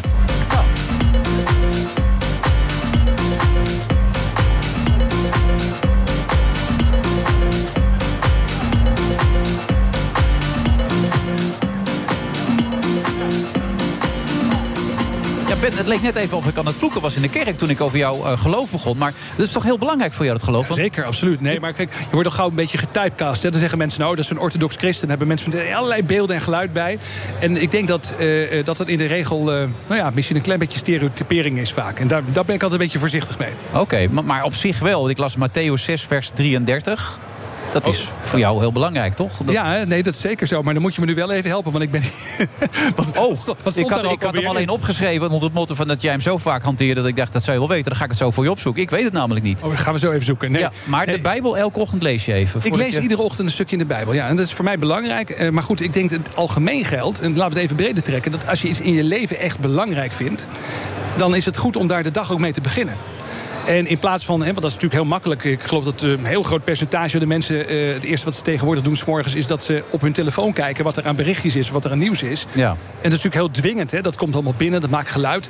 Maar de kunst om een soort eh, ja, regel voor jezelf op te stellen... om de dag te beginnen met wat voor jou echt belangrijk is. En daar ware iedere dag, nou ja, als het ware een soort herstart weer mee te maken. dat is voor mij heel belangrijk. Ja. Ja, want ook voor tien uur niet werken, begrijp ik toch? Je moet op nou, dat, dat valt wel mee. Ja? Dat valt wel mee. Ik maak voor tien uur geen afspraken buiten de deur. Maar dat is iets anders. Oh, oké. Ik hou wel van vroeg beginnen en ook vroeg een paar uurtjes maken... als de rest nog in bed ligt. Dat is eigenlijk mijn, een van mijn eh, kleine stiekeme geneugtes. En, en plan altijd een uur in voor het onverwachte. Ja, dat is ook wel belangrijk. Maar dat heb ik ook pas de laatste jaren moeten leren. Kijk, het grappige is natuurlijk dat heel veel mensen die zeggen... ja, vandaag ging het weer niet zoals verwacht. En, en gisteren ging het ook al niet zoals verwacht. En, eh, en, en dan sta je weer in de file te bellen. Ja, schat, het wordt weer iets later vandaag. Want eh, ja, er waren weer onverwachte dingen. Ja. Als je 40 jaar achter elkaar zegt... er waren vandaag weer onverwachte dingen... ja, in hoeverre is het dan nog onverwacht? Inderdaad, ja, precies. Alleen dat zijn weer steeds andere onverwachte dingen. Precies, maar ja, dat ze komen is op een gegeven moment een zekerheid. En dat je daar gemiddeld per dag misschien een uurtje of anderhalf uur aan kwijt bent. Nou, dat hangt een beetje van je beroep af. Maar ook artsen bijvoorbeeld met drukke agenda's... of andere mensen die eh, ja, met onverwachte dingen te maken hebben... die ruimen buffertijd in voor, eh, voor dat soort zaken. En dat is verstandig om te doen. En moet je dan voor elke taak ook een tijd instellen? Heb ik dat goed begrepen? Nou, dat doe ik wel. Maar dat is meer omdat ik hou van kleine stapjes, overzichtelijke stapjes. En dat is trouwens voor heel veel mensen is dat motiverender hoor, dan grote dingen. Dus als ik bijvoorbeeld een column schrijf voor NRC... dan vind ik het lekker om te zeggen, oké, ga even mijn stukken doornemen. Dan neem ik 20 minuten voor. Ja. Maak even een soort opzetje. Neem een kwartiertje voor. Dan ga ik eerst de versie schrijven, half uurtje. Dat werkt voor mij beter dan dat ik zeg, nou, ik ga vanmorgen een column schrijven. Als ik dan niet uitkijk, dan ben ik na drie uur... zit nog steeds in mijn stukken te neuzen... wat er allemaal zo leuk en aardig aan is. Je hebt wel gelijk. Vanochtend heb ik de garage opgeruimd. Maar ik tegen mezelf zelf tot tien uur. En daarna had ik gezegd, ik ruim maar ook even de tuin op. En dat moet om half twaalf klaar zijn. En dat is gelukt. En ik was twintig minuten eerder klaar. Ik zei, zo, dat is lekker. Dus ik had twintig minuten over. Ja. Toen dacht ik, wat moet ik met die twintig minuten doen? Dacht ik, Ja, toen. voor, voor onverwachte dingen dus. Ja, die heb ik maar precies, voor onverwachte dingen gemaakt. Ja, dat is allemaal mooi. Bernard, herken je dit allemaal een beetje? Ja, zeker. Ja? Ja, ja, time management. Waarom heb jij twee koptelefoons zo, Bernard? Weet ik niet. Je hebt er één om je nek en één op je hoofd. Ja, nee, je moet het zelf weten natuurlijk. Maar... Oh, dus één te veel, begrijp ik. Een publieks koptelefoon. Oh, dat is dat je de uitzending kan volgen. Ja. En ik wilde natuurlijk, toen ik hier aankwam, de rest van de uitzending al horen. Ja, je zat er tegenaan een beetje. Tegen die speaker ook, zag ik je ja, net ja, staan. ja, ja, ja. Het is Wat vond je er tot nu toe van? Over leiderschap ook? Ehm, nou, het, ik, ik vond het begin heel leuk over het woord guru. Ja. Ja. En eh, ja, dat, dat is een hele moeilijke definitie. Maar jij stelde die vraag. Ik vind Ben wel een guru. Dat Toch weer wel. Ja, maar vind hij vindt het eerder een, een, een soort Ja, weet ik, belediging ik weet wat hij zegt. Het, het Nee, is het andere dan charlatan. maar- als Bernard het zegt, dan, dan, eh, neem ik dat graag als compliment aan. Wacht even, dus als ik het zeg niet... Nee. en als Bernard het zegt Juist, zo is dat. Zo is het precies, ja. Maar eh, waar, ligt dat aan dan? Nou, we kennen elkaar langer. ja. Nou ja, wat is dit nou toch allemaal zeg? Dus bij, mij komt het eigenlijk over als een soort nou, bijna belediging. Dat het een beetje gekscherend. En bij Bernard niet. Nee, wat wat nee, heb je met Bernard dan? Nou, kijk, Bernard is een hele genereuze man. Ik heb net een, boek geschreven. dus niet. Ook, en daar heb ik het ook voor ingeschreven. Maar kijk, ehm, als mensen in het algemeen zeggen dat je een goeroe bent... dan zit er een beetje een bijsmaakje aan. Maar van, van Bernard, als hij wat zegt, dan vertrouw ik dat. Eh, hij is je bijvoorbeeld- vertrouwt me ook nog niet, zeg. Dan gaat het steeds verder dit allemaal. Nee, ik zeg niet dat ik jou niet vertrouw. Ik zeg dat ik Bernard wel vertrouw. Dat is iets anders, hè? Oké. Ja, je hoort er te veel in. Ja. Ja, Maar goed, eh, hoe, Maar ken goed, je, hoe, ja. hoe goed ken je, ken je Bernard dan? Nou, volgens mij eh, jaren geleden, oh, poeh, moet ik even terugrekenen. Volgens mij al twintig jaar geleden maakte jij een, een televisieprogramma Voor over, RTL, ja. voor- over Ja. ICT. En dan was ik af en toe was ik daar te gast. Ja. En dat was wel een hele leuke samenwerking. En ik eh, bewonder zijn enorme feitenkennis. Die man heeft een geheugen, dat is echt bizar. Hoe hij dat allemaal dan weer combineert in zijn hoofd. Maar dat is meer de professionele kant. Maar toen ik op een gegeven moment die vraag kreeg, een paar jaar geleden, of ik Barack Obama wilde interviewen. Ja. eh, wat ik echt een fantastische kans vond om te doen. Toen hadden we een voorbereidingsavond. En tot mijn grote verbazing was op die voorbereidingsavond om mij te helpen, kwam Bernard binnenlopen. En ik vond het zo, nou ja, dat vond ik echt fantastisch. Dat hij gewoon eh, zonder eh, enige reserve eh, gewoon kwam meehelpen om mij te prepareren voor dat interview. Maar je bent niet voor uitgenodigd. Hoe, hoe werkte dat dan? Bernard? Nou, dat is, wel, dat is georganiseerd. Oh, Ik- gelukkig. Ik wist, Ik denk, het, ja. en ik wist dat Bernadette. denk Dus het enige dat ze op de fiets was een heel groepje hoor. Ja. Van allemaal fantastische mensen. Maar ik weet het nog heel precies. Ook omdat het thema waar wij toen over discussieerden was zo interessant. Want de vraag die werd voorbereid om aan Obama te stellen... was zoiets van, als je nou president bent... je bent de belangrijkste man op de wereld... hoe zorg je dan dat je je team bij elkaar houdt? En toen heb ik uitgelegd dat Amerikanen helemaal niet zo werken. Die benoemen adviseurs en die laten ze een tijdje tegen elkaar schrijven... en dan sturen ze de Kamer weer uit. Ja. En dan beslissen ze zelf. Dus die hebben hele andere opvattingen over management. Om, omgaan met personeel, met medewerkers. Ze vergaderen ook bijna nooit. Doen ze allemaal niet aan. Dus dat was een beetje de, eh, in de opbouw van de vragen. Maar daar ging het om. Het ging om Ben moest zijn vragen formuleren... en goed in zijn, in zijn, eh, ja, zijn geheugen hebben. Ging het erom om duidelijk te maken... vanuit welk perspectief Amerikanen denken bij het begrip management. Want het is natuurlijk wel zo dat de president van de Verenigde Staten... een manager is, dat mag je wel zeggen. Ja. Wat- Wat zijn de belangrijkste lessen geweest dan die jullie geleerd hebben van Barack Obama? Of Oh, nou, een hele hoop in de voorbereiding al een hoop. Maar eh, in het gesprek zelf, nou, laat, laat ik eens één ding noemen. Hè. Ehm, iedereen vindt Barack Obama een fantastische speecher. Eh, het is wel belangrijk om je te realiseren dat die speeches waar we hem zo goed eh, van vinden... dat dat speeches zijn die echt heel goed voorbereid zijn. Met speechwri- speechwriters. Het is allemaal met autocue. Hè, dus Ja, er leest ook wel van die... van die die schermpjes hebben, Ja. je de- doorkijkschermpjes. Dus die speeches waarvan, eh, die we zo goed vinden van hem... die zijn allemaal tot in de puntjes voorbereid. Maar toen ik hem vroeg van, wat maakt nou een goede speech? Wat, wat, wat zorgt er nou voor dat mensen u nou zo'n geweldige speech vinden? Dus zei hij van, nou ja, je moet je goed voorbereiden... je moet goede speechwriters hebben, je moet natuurlijk oefenen. Dat is allemaal belangrijk. Maar, zegt hij, het allerbelangrijkste is dat voordat je ergens moet gaan spreken... dat je even een half uurtje of een uurtje zelf gaat zitten... en echt gaat nadenken van, wat vind ik nou echt? Ja. Wat geloof ik zelf nou echt?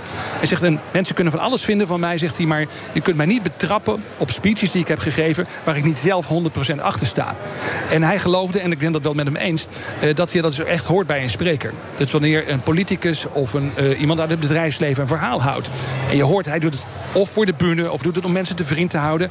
of het is iets waar iemand 100% echt zelf in gelooft. En dat laatste, ja, dat vond ik een hele waardevolle les. Maar dit is ook een les die jij volgens mij meegeeft. Het worden toch snel holle teksten op het moment dat je ze zelf niet kan voelen. Als je ook als, als, als, als ondernemer een heel grote groep pers- personeel hebt. Als je dat zelf niet kan uitdragen, als je het zelf niet kan voelen, dan komt het toch nooit over. Dat is een heel groot probleem. Ja, dat Ja. gebeurt voortdurend. Ja. En dan worden het van die lege managementteksten, toch? Ja. Op zo'n moment. Ja, ja, of je krijgt het drama van het beheersen van een eh, chaos die we nu hebben als gevolg van de pandemie. En de pandemie is een crisis. En een van de kenmerken van een crisis is dat altijd chaos uitbreekt. Altijd. En het beheersen daarvan, dat is een kunst. En dat is de top, de top, top, top vorm van management. En dat doen wij niet goed. Er praten veel te veel mensen mee. En er zijn veel te veel mensen die invloed hebben op wat uiteindelijk Hugo de Jonge of Grapperhaus of Mark Rutte gaat zeggen. En er zijn veel te veel, dus de, dus de, de leiding nemen in dat proces ontbreekt bij ons. Ik Eén vind één, gezicht op vaste één momenten gezicht is heel precies, belangrijk. hè? die het voor zeggen. hè. Er zijn een paar voorbeelden in de Klassieke, wereld. waar- klassieke lessen, ja. ja. Klassieke waar het wel werkt, maar dat hebben wij dus niet. Dus daar hadden we het, hadden we het net in de, in de Maar wat zou er nu moeten gebeuren, Bernard, als je dat dan toch zo duidelijk schetst? Wat zou er nu moeten veranderen om ervoor te zorgen dat wij ook weer gaan luisteren in Nederland? Dat we weer naast de straffen en de beloningen waar eh, Ben het over heeft gehad, eh, mensen weer gaan vertrouwen die ons de leiding geven? Wat Nou, moet er gebeuren? Ik, ik denk, ik ben er heel erg voor om iemand aan te zoeken die eh, misschien niet deel uitmaakt van de vaste ploeg. Dus eh, kijk, heel simpel. Hugo de Jonge doet verschrikkelijk zijn best. Ja, maar je zou twijfel Marcel- over, maar die wordt zo langzamerhand niet meer serieus genomen. Je zou iemand als Marcel Levy daarvoor. Marcel Levy ja, zou heel goed geschikt zijn. Omdat als hij wat zegt, dan begrijp je precies wat hij bedoelt. En hij heeft ook nog de achtergrond. De man is internist. En werkt nog steeds elke week één of anderhalve dag op de intensive eh, of op het ziekenhuis, of ziekenhuis. Ja. Ehm, dat zou kunnen. Maar we hadden het ook, we hadden het net even eh, tijdens eh, de reclame over eh Siebersma. Eh, de- die, Fijker, die is, ja. ja, die een goede vriend van jou ook, zou ik maar zeggen. Ja, vrienden is altijd een nou ja, begrip, maar, maar ik die, is toen, die is toen afgebrand. Aan het begin was hij aangetrokken als... ko- als, als ja, Gezant, hè? Gezant, het woord, ja, ja. coronagezant. En stuitte overal tegen een muur van ambtenaren die riepen... ja, maar zo doen wij dat niet. Of zo denken we daar niet over. Of dat is helemaal niet verstandig. Of zo. Nou, fijn. Dat heeft een enorme clash gegeven. En man die heeft zoveel contacten, die konden gewoon niet die gebruikt kon worden. zo, nee, omdat- en die heeft de handdoek in de ring gegooid. Terwijl het een aardige... Het is een strenge man. Het is een goede leider. Hij was een top-CEO, had een hele duidelijke visie. Hij heeft een bedrijf compleet omgebogen. En het is een warme, omarmende man. Dus je luistert ook naar hem. Het is ook belangrijk in leiderschap. Hè? Dat, je moet wel streng en duidelijk zijn... maar ze moeten ook in je willen geloven. Ja, maar in een tijd als deze, ik bedoel, het, het kan je ook alleen maar beschadigen. Hè? En dan als, het, eh, als mensen er ook... Dat, dat, is, dat, dat is het risico van het vak. Ja, maar daarom is het ook eh, zo belangrijk dat iemand is die eigenlijk niks meer te verliezen Nee, heeft. we hadden het over Obama. En de keuze van Trump was een referendum tegen Obama. Zo gaat het in het leven. Je wordt wel eens afgestraft voor dingen. Het is niet anders. Nee. Jij kwam eigenlijk eh, om dat hele situatie in Ja. China te bespreken. Ja, ja, of vanwege die, die affaire van Peng Shuai, die, die, die tennister. Ja, die dus Hoe, open hoe spreek je kaart dat uit. Bernard? Jij doet dat zo mooi. Zeg het nog eens. Volgens mij is het Peng Shuai. Oké. Ja, Ja, en, eh, eh, en, en, en ik denk dat Shuai de, de voornaam is, want zo is het meestal in Oh ja, precies, Dus mevrouw Peng Ja. is inmiddels 35 en is niet meer heel erg actief in het tennis... maar was een hele beroemde in- international en speelde vooral dubbels. Ja. En die heeft een Een bericht- boekje open gedaan. een boekje open Ja. gedaan over de manier waarop zij nou ja, is verkracht door, de, door een vicepremier, meneer Zhang. Ja. Ehm, en dat speelt zich af tien jaar geleden. En dat is opgebouwd. Ze is verleid daartoe door die man en zijn vrouw. Ja, dingen gebeuren in het leven. Daar hebben we- heb ik verder helemaal geen oordeel over. Maar hoe dan ook. Nou, ik wel hoor. Jawel, Ja, nee, maar dat is- lijkt natuurlijk helemaal het is, op. is een verschrikkelijk eh, verhaal. En daar is, ze uit- is, heeft zich over uitgesproken. En vervolgens is ze, is ze onzicht, is weg. Niet meer te vinden. De, de, de, de ehm, accounts zijn afgesloten. Ja. De communicatiemiddelen zijn afgesloten. Het gevolg daarvan is dat de Internationale Vrouwentennisbond heeft gezegd... wij eh, doen niet meer aan activiteiten in of met China. Nee. Totdat dit Logisch. is opgelost. Ja. Ja, maar goed, we zitten drie maanden voor de Olympische Spelen. Dus het is echt een enorme rel. En terecht. En het is gewoon een MeToo-verhaal. Niet meer en niet minder. Maar nou in China. Eh, en, eh, We hebben het over de winterspelen, ja. Die, Ja, eh, maar- daar wordt niet getennist. ja, ja, ja, ja. Nee, goed. Maar goed, het is vlak voor de... Nee, maar goed, daar komt direct wel even op. Maar de, de, de, de, de grote der aarde, zoals Williams en, en al die andere beroemdheden... die hebben inmiddels zich achter die beweging geschaard... om te zeggen, we doen geen zaken meer met, met China... tot dat is opgelost. En trekken Chinezen zich daar iets van aan? Ja, dat is de vraag, dat weet ik niet. Maar wat, er zat wel een politiek haakje aan, omdat eh, pre- president Xi heeft president Biden uitgenodigd voor de opening van die Spelen. Oké, ja. En nu zegt Biden dat hij een, ehm, wat hij noemt een politieke boycott overweegt. Ik had daar nog nooit van gehoord, ik wist niet wat het betekende, maar dat betekent... Is dat toch een politieke boycott? Nee, ja, nou ja, nee. Dat, Je kan ook zeggen wat Nederland in 1956 heeft gedaan in Melbourne. Hm? Hè, vanwege de inval in Hongarije. Het hele team gaat gewoon niet. Ja. Was dat geen politieke boycott? Jawel, maar toen ging het team niet. Maar het verschil met deze uitdrukking bedoelt Biden... het team mag. Ja? Ik ga die mensen niet na al die jaren het sporten verhinderen... want die kunnen het ook niet helpen. Hij komt niet. Maar ik ga niet. Ja.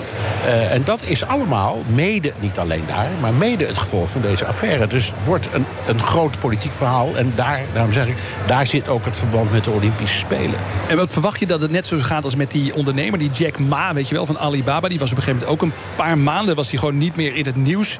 En dan kwam hij terug en was hij helemaal hervormd. Dat is waar. Ja, maar dat had een andere achtergrond. Hè. Het was zo dat Xi ehm, een boodschap had aan de, aan de tech-sector. Ja. Namelijk, jullie macht wordt te groot, jullie hebben te veel geld, jullie hebben te veel voor het zeggen. Hij wilde een voorbeeld stellen. Een voorbeeld stellen. En, en die keek ook naar Amerika en zei: Wij willen niet de kant van. ehm, eh, nou, noem ze allemaal maar op. Google en, en, en, en Amazon en Apple. Die kanten willen wij niet achterna. Wel wat technologie betreft en kennis en macht. Maar niet met al die multiziljardairs die denken dat ze de wereld kunnen veranderen. Dat Ja, willen precies. ze. Dus Xi heeft daar een voorbeeld gesteld. En Ma, Jack Ma, die is klaarblijkelijk in zijn schulp gekropen. Of eieren voor zijn geld gekozen. Was toch al een hoop geld. Dus Ja, zou ik zeggen, Op, het eieren. eieren, ja, dat is- op eieren. En op een bepaald moment dook hij weer op in een, in een toespraak. Maar nu loopt hij wel op eieren natuurlijk op dit moment. Maar hij, Ja. jawel. Maar goed, hij, eh, nou, hij dook op in Hongkong, geloof ik, bij een bijeenkomst of een toespraakje. Dus die is er weer. En de- maar deze, deze mevrouw Peng Shuai hebben we nog niet gezien. Nee, maar dat is mijn vraag. Jij bent een beetje goer natuurlijk als- als buitenlandse correspondent. Wat, wat is jouw verwachting hiervan? Wat denk je dat er gaat gebeuren nu? Ik, ik, ik weet het echt niet. eh, omdat de Chinezen... Ik heb net gehoord, als je zo ver Nee, dat je omdat de Chinezen hebben, bezig, toch? Chinezen hebben een enorme overtuiging. En die zeggen, ze hebben ook commentaar gegeven. Hè, er zijn door allerlei ministeries van Buitenlandse Zaken vragen gesteld aan het Chinese ministerie van Buitenlandse Zaken. En dat heeft als antwoord: dit is geen diplomatieke zaak. En dat reflecteert wat de Chinezen vinden, namelijk... je mag je nooit bemoeien met de interne aangelegenheden van de ander. Deze kwestie is onze zaak, hou je mond. En Oh. ik, denk, ik denk dat ze daarin volharden. En, en je denkt ook dat ze daarmee wegkomen. Want we hadden Ja, het net even met elkaar over... van kun je überhaupt nog wat druk uitoefenen op China? Maar jij, jij noemde net eventjes tussen de bedrijven door... dat 90% van de vaccins die in Amerika Nee, nee, worden... van de, van de antibiotica die Oh, nee, Amerikanen gebruiken... wordt gemaakt in China. Nou ja. Dus je kunt eigenlijk dus je niet kunt wel van alles nog ja. wat roepen, maar de realiteit is geldt voor ons ook. Jij weet dat in het bedrijfsleven. Die banden tussen het Westen en China zijn zo magistraal. Dat je kunt van alles roepen, maar dat- daar, op dat punt gebeurt niks. Echte druk uitoefenen lukt gewoon niet meer. lukt niet. niet. Niet op die manier. Dat is heel verdrietig dit. Ja, het is heel verdrietig. Ja. En, nog steeds. En het gaat om die vrouw. Hè? Ja, Wij zijn solidair met die vrouw. Ik ook. Ja. Ja. Goed voor jou, Bernard. En ik ook. En ik denk Ben ook. Eigenlijk met z'n allen hier. Ja. Dankjewel, Bernard. Ook Liesbeth Staats vind je in de BNR-app. Ja, heel handig. Luister live naar Kees en mij tijdens de Daily Move. Dan blijf je ook gelijk op de hoogte van breaking news en het laatste zakelijke nieuws. En daar vind je ook alle BNR-podcasts, waaronder de Perestrooikast. Download nu de gratis BNR-app en blijf scherp. De Friday Move wordt mede mogelijk gemaakt door TUI en Europarks. Europarks, je perfecte vakantie of je eigen tweede huis. Blijf scherp. BNR Nieuwsradio. The Friday Move. Ja, als het aan mij ligt, moeten we het nu niet hebben over 1G, 2G of 3G. We zijn er nog niet, eh, maar dat zit hem vooral in het feit dat de onzekerheid rondom corona onverminderd groot is. Wilfred Gené. Ja, vrouwen werken minder dan mannen. Dat is ook jouw probleem. Weet dat maar, zegt Liesbeth Staats.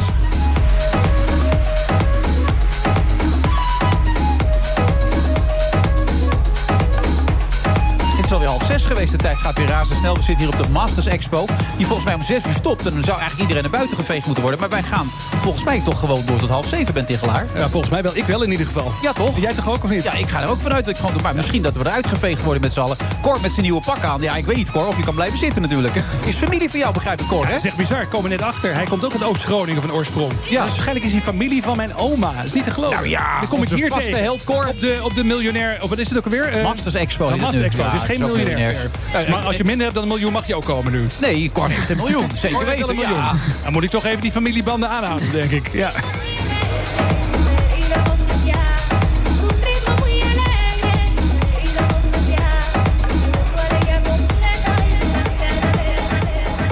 Liesbeth Staats, goed dat je er bent. Dankjewel. Ja, ehm, ik las in je boek helemaal in het begin dat jij, ik weet even het Franse naam, daar ben ik er even kwijt voor, maar dat je op de mom- belangrijke momenten Ja. nooit de dingen zegt die je zou moeten zeggen. Esprit de l'escalier heet dat. Dus de ja. geest van de trap. Dat als je in een discussie bent en je gaat dan de trap af of, of op, dat je dan pas denkt, dat had ik moeten zeggen. Ja, daar heb je vaak last van. Ja, Ja, maar uiteindelijk is het ook niet erg, zeg je, want dan bouwt het zich op. precies. Dat je uiteindelijk ergens een fel licht op kan laten stralen. Precies, en dat heb ik nu gedaan in dit boek. Ja, want wat wil je daar precies mee zeggen met dit boek? Nou, de titel is Waarom vrouwen minder werken dan mannen en dat ook jouw probleem is. Ehm, ik ben er langzaam achter gekomen, en dat, daar heb ik bijna 20 jaar over gedaan, dat het voor vrouwen ingewikkelder is om te werken dan voor mannen. En dat heeft eh, te maken met de cultuur op de werkvloer, maar ook de cultuur buiten die werkvloer. Wij vinden in Nederland dat vrouwen nog hoofdgezin zijn, hoofdverantwoordelijk voor. heb je daar 20 huishouden. jaar over gedaan? Dat, Ja, dat- nou ja, dat had l'esprit ik- de l'escalier. Ja. Ja. Ja. Dat, dat had ik je wel eerder kunnen vertellen, toch? Of niet? Nou ja, het grappige is, ik werkte in- in de televisiejournalistiek in een mannelijke Bij omgeving. Brandpunt, ja. en dan ging je kleding passen. En een heel klein rekje voor jou. En dan ben die mannen konden alles uitzoeken. Ja, dat was een eh, vrij eh, hilarisch moment. Maar zelfs toen dacht ik, oh ja, ja, een beetje, beetje irritant, maar oké. We gaan weer door. Ja. En, en het duurt dan langer voordat je een beetje kan uitzoomen en denkt... ja, weet je, met zo'n cultuur hou je eigenlijk heel veel vrouwen... die dat niet oké vinden en niet hun schouders daarover ophalen... hou je buiten de deur. En is dat een cultuur in de, de werkomgeving of is dat gewoon de cultuur van Nederland? Nou, dat is een goede vraag. Eh, ik denk in het algemeen de cultuur van Nederland... maar dat die zich sublimeert op de werkvloer. Ja, precies. Ik heb wel eens gehoord, maar het is gewoon even iets wat ik een keer heb opgevangen. Dat eh, bijvoorbeeld in Frankrijk is de arbeidsparticipatie van vrouwen veel hoger. Maar eh, sommige mensen zeggen dat komt nog van de Eerste Wereldoorlog. Dus een complete generatie jonge mannen weggevaagd. Vrouwen moesten wel gaan werken. En daarom is dat gewoon in dat soort landen veel gewoner geworden. Ja, en er is nog nooit één sluitend antwoord op die Nee. vraag hoe komt dat. Maar dat de Eerste Wereldoorlog wordt vaak genoemd. Maar ook dat wij in Nederland nooit echt lange crisis hebben meegemaakt. Zodat de nood zo hoog was dat iedereen moest werken. Ja, maar dan zou je dus kunnen zeggen... in veel landen zijn vrouwen dus meer gaan werken... omdat het echt heel erg nodig was. Terwijl Ja. de nood was hier in Nederland niet zo groot... dus het zou ook als een voorrecht kunnen worden beschouwd. Hè. Dus ik zeg niet dat het zo is, maar ik ben wel benieuwd hoe jij daarover denkt. Nou, de, vraag, of de, de opmerking... mijn vrouw hoeft niet te werken... dat is volgens mij een hele typische Nederlandse opmerking. Is dat zo? Ja. Oké. Zeg jij dat wel eens, Wilfred? Jouw vrouw werkt ook, toch? Ja, nee, en ik vind het fijn dat ze dat zou willen doen. Maar ik, ik vind wel dat je iemand de vrijheid kan geven daarin. Ja, en maar in mijn boek maar betoog ik dat die vrije keuze... Ja. niet zo vrij is als die klinkt. Want Oké, dus het lijkt mooi, maar eigenlijk ben je door de cultuur gedwongen om zo te werken. Nou ja, alles is erop ingericht in Nederland om. eh, die gaat ervan uit, gaat ervan uit in ieder geval dat één van de ouders, lees de moeder, thuis is. Scholen gaan nog om drie uur uit. Nederlandse vrouwen werken 28,5 uur per week. Nederlandse mannen 39 uur per week. Ja. Dat is het, daar zijn we koplopen mee in Europa. Dat grote verschil, toch? Ja. Verschil, ja. Ja, dat is echt groot. En ja, en Nederlandse vrouwen werken het minst aantal uur eh, van Europa. Ja, maar ik las ook in het boek van jou dat bij heel veel vrouwen het zo werkt dat ze zeggen: ja, ze weten dat ze op den duur kinderen gaan krijgen. Waarom zouden ze aan het begin van hun carrière überhaupt Ja. nog gaan investeren in hun carrière? Want ze weten, ja, straks heeft het toch geen nut. Ja, dus dat begint ook bij hunzelf dan, toch? Of niet? Of- Zeker, zeker. En mijn pleidooi zou zijn dat als je die keuzes maakt, ook als je net afgestudeerd bent, want dan gaat al 60% van de meisjes, jonge vrouwen, parttime werken. Terwijl ze dan nog niet samenwonen of nog geen kinderen hebben. Maar mijn pleidooi zou zijn, als je die keuzes maakt, denk er nog een keer over na. Wat is de consequentie over 10 jaar? Wat is de consequentie over eh, als, als mijn relatie uitgaat, bijvoorbeeld? En Eh, moeten vrouwen actie ondernemen of moeten andere mensen actie ondernemen op dit gebied? Wie, wie moet er eigenlijk in actie komen? Nou ja, de ondertitel is en dat ook jouw probleem is. Ja. Ik denk dat we allemaal actie moeten ondernemen. Ik, ik vind vrouwen niet lui, want er wordt heel veel onbetaald werk verricht door vrouwen. Ik bedoel, als Nederland, als al die vrouwen stoppen met onbetaald werk verrichten, dan stort onze samenleving ook in elkaar. Ja. Maar ik denk dat eh, wij de, de toegang tot de werkvloer ja, veel, veel meer de hekken open moeten zetten voor iedereen en niet alleen voor mannen. Ja, dat vrouwen die fulltime werken zich ook niet meer hoeven te verdedigen. Dat is ook een hele belangrijke. Precies. Je vertelt een heel frappant verhaal. Je bent eh, naar het buitenland geweest. Je kan nog net op tijd op, school, schoolplein zijn voor je kinderen. En je komt met die rolkoffer aan. En je denkt, ja, maar ik ga niet met die rolkoffer dat, eh, dat, dat plein op. Want dan lijkt ik die moeder die altijd aanwezig is, die het veel te druk heeft. En die nu even tussendoor de kinderen. Dus je hebt die koffer verstopt in de bosjes. En die heb je later opgehaald. Ja, er zit een, zit een park bij, onze, bij de basisschool. En ik dacht in een split second, hè. Dus, en, en het was niet dat ik me schaamde of zo, maar ik wilde gewoon niet eh, laten zien dat ik zo'n zo'n gehaaste moeder was die net uit de werk kwam en de kinderen ophaalde. Ja, want dat Dus beeld vinden we vervelend met elkaar. Ja. ja. Maar is, is dat zo'n vervelend beeld? Denk je dat echt? Ja, Of, nou, denk ik echt. Ja, niet dat ik bang was om, om commentaar eh, direct op dat schoolplein. Want dat was een heel eh, prima schoolplein. Maar, de- maar wel onder druk dat je dan zwicht voor het beeld van de normale, relaxte moeder. Of zo. ja. Dus met andere woorden, het beeld van de werkende moeder... eh, is toch een beetje is apart of zo. Ja, maar je, je hebt daar dus zelf dus ook last van. Je hebt dus het idee Zeker, van hier, die- hier wordt een oordeel over geveld. En daar pas je dus je gedrag al op aan. En je zegt dat doen we misschien met z'n allen wel in het groot. Ja, want ik denk dat Nederland een enorme moedercultus heeft. Een enorm normatief idee over wat een goede moeder is.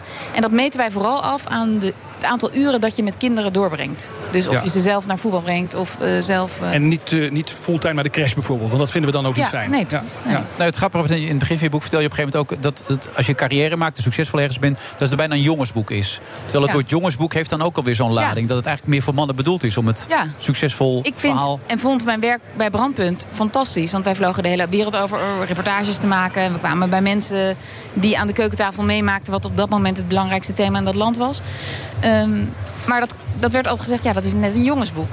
En dat, dat is ook zo. Niet een meisjesboek. Nee. nee. Dat, dat, dat is En, en ook een een van- jouw collega's zei het is eigenlijk net als voetbal. Hè? De mannen bepalen de regels. Regels mogen ook niet veranderd worden. Nee. Je kunt er eigenlijk bijna niks aan, aan veranderen. Nee, je, je bent wel welkom, maar ja, we gaan de regels niet veranderen. Nee. Het gekke is, het gaat ook inderdaad van generatie op generatie. Ik heb het gezien in ons eigen gezin, maar we hebben vier dochters. Dus ik, ja, ik vind het ontzettend belangrijk dat vrouwen heel veel kansen krijgen in onze maatschappij. Ja, ik geef je dit boek mee voor, Ja, voor die nou, dochters. Hartstikke leuk. Ja. Nou, voor onze dochters.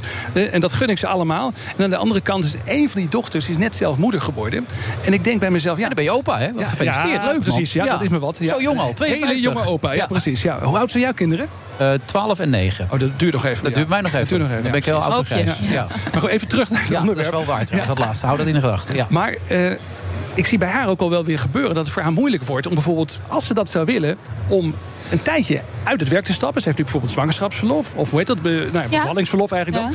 Ehm, en dan weer in te voegen. En dat, dat lijkt me ook zo moeilijk. Dat blij- is volgens mij is dat ik in de afgelopen decennia niet verbeterd. Dat als je als vrouw al zou zeggen... ik wil een tijdje part-time werken en daarna weer fulltime... dat dat uitvoegen en weer invoegen, dat is gewoon heel slecht Heel- geregeld. ja, en dat is ook heel lastig. En de oplossing in Scandinavië is, en dat vind ik een hele goeie... dat vaders ook bevallingsverlof krijgen, maar ouderschapsverlof. Maar in, bijvoorbeeld in Zweden moeten vaders drie of vier maanden, weet ik even niet... verplicht opnemen. Ja, precies. Dus net zo lang, geloof ik, als, als de Ja. vrouwen. Ja. En, en dan ontstaat er een directere band met je kind, daar ben ik van overtuigd. Maar ook, dat is aantoonbaar, wordt de, eh, de mate van arbeidsparticipatie van beide ouders dan gelijkwaardiger. Ja. Maar het moet dus van bovenaf opgelegd worden, zeg je. Nou, ik denk We dat gaan het wel- zelf niet doen. Nou ja, we proberen het al eh, honderd jaar zelf te doen. En, en ik denk dat er echt stevige ingrepen nodig zijn. Ja, maar geloof je dan ook nog steeds in het feit dat je dan vrouwelijke op positie moet zetten op basis van het feit dat het een vrouw is? Of geloof je nog wel in de kwaliteitseis dan ook? Nou, het een, ik denk, Ja, ik als, denk dat de een als- sluit het ander toch niet uit. Nee, nee, dat wordt maar vaak gezegd, dat is een beetje Nee, nee, een raar maar- argument. Want dat alsof zeg maar, je gaat of voor een vrouw of voor kwaliteit, zeggen Nee, sommige nee, maar mensen dan. het- er zijn toch situaties waar iemand, een, een man, beter gekwalificeerd kan zijn in een situatie. Oh, die Dat- komen niet zoveel voor volgens mijn dochters. Oh, is dat zo? Nee, nee, grapje. Nee, maar... Nee, kijk, als het helemaal eerlijk zou zijn, Mhm. dan, hoef je dat, dan hoef je dat vrouwenquotum kun loslaten. Ja. Maar zolang dat nog niet eerlijk is en, eh, en, en er dus echt aantoonbare hindernissen en barrières liggen, dan ben ik voor zo'n vrouwenquotum, ja. Ja. Hoe gaat het nu met jezelf? Want dat, dat moment van die rolkoffer, gaat dat weer gebeuren? Of is dat nu uit je Nee dat, systeem? nee, dat is uit mijn systeem. Dus- Want ik, ik vind ook dat ik moet laten zien dat dat niet raar is. Nee. Maar daar heb je 20 jaar voor nodig gehad, klaarblijkelijk. Nou ja, hoe lang werk ik? Eh, ja, zo ongeveer 20 Ja. jaar. Ja. Het is nu uit je systeem. Je voelt Ja. je vrij. Ik voel me veel vrij. Nou, ik ben, ik ben er me bewuster van en ik zie ook de patronen veel sterker. Ja. Je hebt het sowieso heel leuk opgeschreven. Het leest heel makkelijk weg ook. Het is, Dankjewel. die, die voorbeelden zijn ook bijzonder amusant zo nu en dan. Dank je. Het bla- oude bruin, bruine jasje wat je dan nog bij Brandpunt mee kon nemen. Verder kon je niks vinden. Eigenlijk wel Nee, later, later kwam dat helemaal meer dan goed, maar dat was, was een soort symbool voor die cultuur. Ja. Mee naar de mannenwinkel. Maar het moet dus eigenlijk van bovenaf mede geregisseerd gaan worden. Ik denk dat we het alleen proberen het al decennia. Ik bedoel, Ja. Hedy Dancona zegt ik doe het al vanaf het begin van mijn carrière. Nou ja, die is 80 en het is nog niet geregeld. Maar misschien dan hebben quota, ben ik ook heel erg voor. Eh, maar wat zijn nog andere maatregelen dan die je kunt nemen? Nou, eh, de kinderopvang niet zo ingewikkeld, de toeslagenaffaire, Ja. ingewikkeld en duur maken.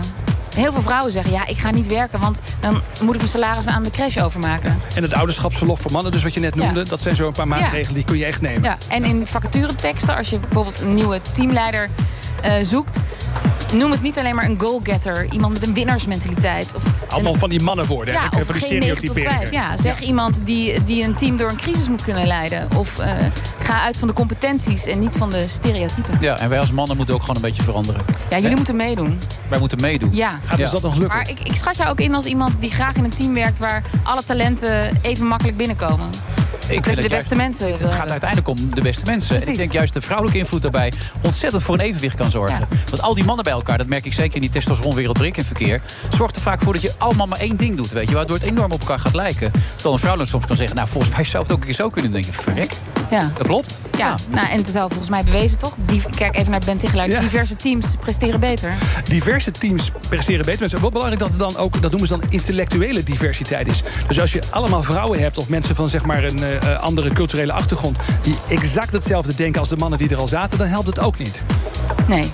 Nou, dat is, nog- dat is nog wel een goeie. Ja, dus je moet ook wel echt anders denken. Dat betekent dus als vrouw dat je dus ook niet te veel moet aanpassen. Dat je denkt van nou, ik ga maar gewoon... Hè, vaak natuurlijk onbewust proces... maar dat je precies hetzelfde gaat denken en zeggen... als die mannen die dan op die posities al zaten. Nee, En dat is een heel lastig punt. En dat is eh, soms in sommige organisaties nog steeds wel nodig... om er te komen als vrouw. Blijf dicht bij jezelf, is wat je zegt. Ja, precies. Ja, nou, Lisbeth Staats, hartstikke mooi. Waarom vrouwen minder werken dan mannen en dat ook jouw probleem is. Dankjewel. Leuk, dankjewel. Bij BNR ben je altijd als eerste op de hoogte van het laatste nieuws. Luister dagelijks live via internet. Bas van Werven. En heel langzaam komt de zon op rond dit tijdstip. Je krijgt inzicht in de dag die komt op BNR, het Binnenhof in Nederland en de rest van de wereld. De Ochtendspits. Voor de beste start van je werkdag. Blijf scherp en mis niets.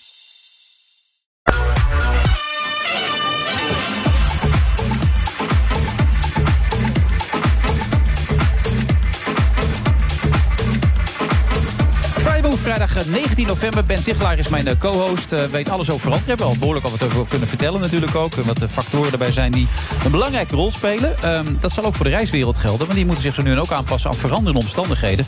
En Tom van Apeldoorn kan ons daar alles over vertellen. Hij is eigenaar van de reisbladen Trav Magazine en ook Travel Pro. Hartelijk wel, eh, Tom. welkom Tom. Dankjewel. Want aanpassen is bij jullie op dit moment het eh, keyword, denk ik hè? Ja, dat is eh, aanpassen eh, in optima forma op dit moment. En op maandag weet je niet meer eh, hoe de wereld er op vrijdag uitziet. En het is constant eh, heel flexibel zijn. Heel goed uitkijken met wat je wel en niet vastlegt als tour operators, als reisbedrijven. En ja, de, de klant is steeds demanding. Dus als er een probleem opduikt, dan verwacht de klant gewoon dat je het even snel oplost. En dat vergt veel van de branche op dit moment. Ja, en van de mensen waarmee je werkt. Hoe hou je die gemotiveerd dan?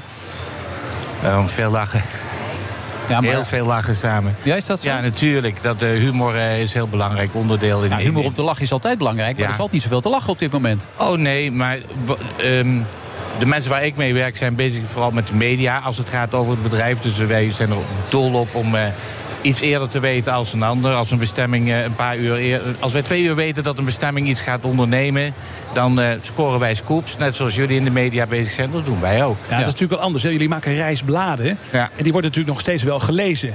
Eh, ja, beter dan ooit tevoren. Ja, precies. Dus in, maar als je in de reisbranche zit... en de mensen voor wie je dan schrijft... daar is natuurlijk niet zoveel te lachen. Ja, nee, dat is ontegenzeggelijk. Als je nou ziet wat er vandaag weer gebeurt met Oostenrijk. Ja, Ja. dat is natuurlijk... eh, Moet je me even bijpraten hoor, want ik heb niet alles gevolgd. Uh, Oostenrijk hebben vandaag besloten dat ze een uh, hard lockdown gaan doen voor 10 dagen. Ehm, dat er een vaccinatieplicht gaat komen. Als die harde lockdown van 10 dagen niet genoeg werkt, komen daar nog 10 dagen bij. Oh, de wintersport. Ja, nou. Ja. juist niet, hè? Juist niet. Want, want wat Oostenrijk eigenlijk probeert nu, is de wintersport te redden. Oké. Door nu drie weken hele harde lockdown, harde regels voor 2G in te voeren. Zodat je straks vanaf eind december de wintersport Dus het is eigenlijk goed nieuws. Het, het is de imago, wat er op je afkomt als branche, is natuurlijk dramatisch. Want iedereen denkt, oh, daar gaan we weer en het gaat op slot. Maar wat Oostenrijk probeert is een wintersportseizoen te redden. Ja, precies. Dus de Nederlanders die graag op wintersport willen. Ik trouwens ook. Ja, Eh, ja, niet in ja. Oostenrijk in dit jaar, eh, maar goed. eh, die zijn, die Fra- Fra- ik ga het naar is- Frankrijk dit jaar, het is precies. gewoon- ja. Het is gewoon een, een concurrentiemodel. Frankrijk zegt nee joh, maar wij blijven gewoon open. Maar dan moeten we ook weer zien hè, tot hoe lang dat duurt. Precies. Maar binnen die reisorganisaties, je hebt natuurlijk ook die belangenorganisatie, de ANVR enzovoort. Die probeert natuurlijk voor het reiswezen zoveel mogelijk goede dingen te doen, te lobbyen. Zo. Hoe vind je dat dat gaat?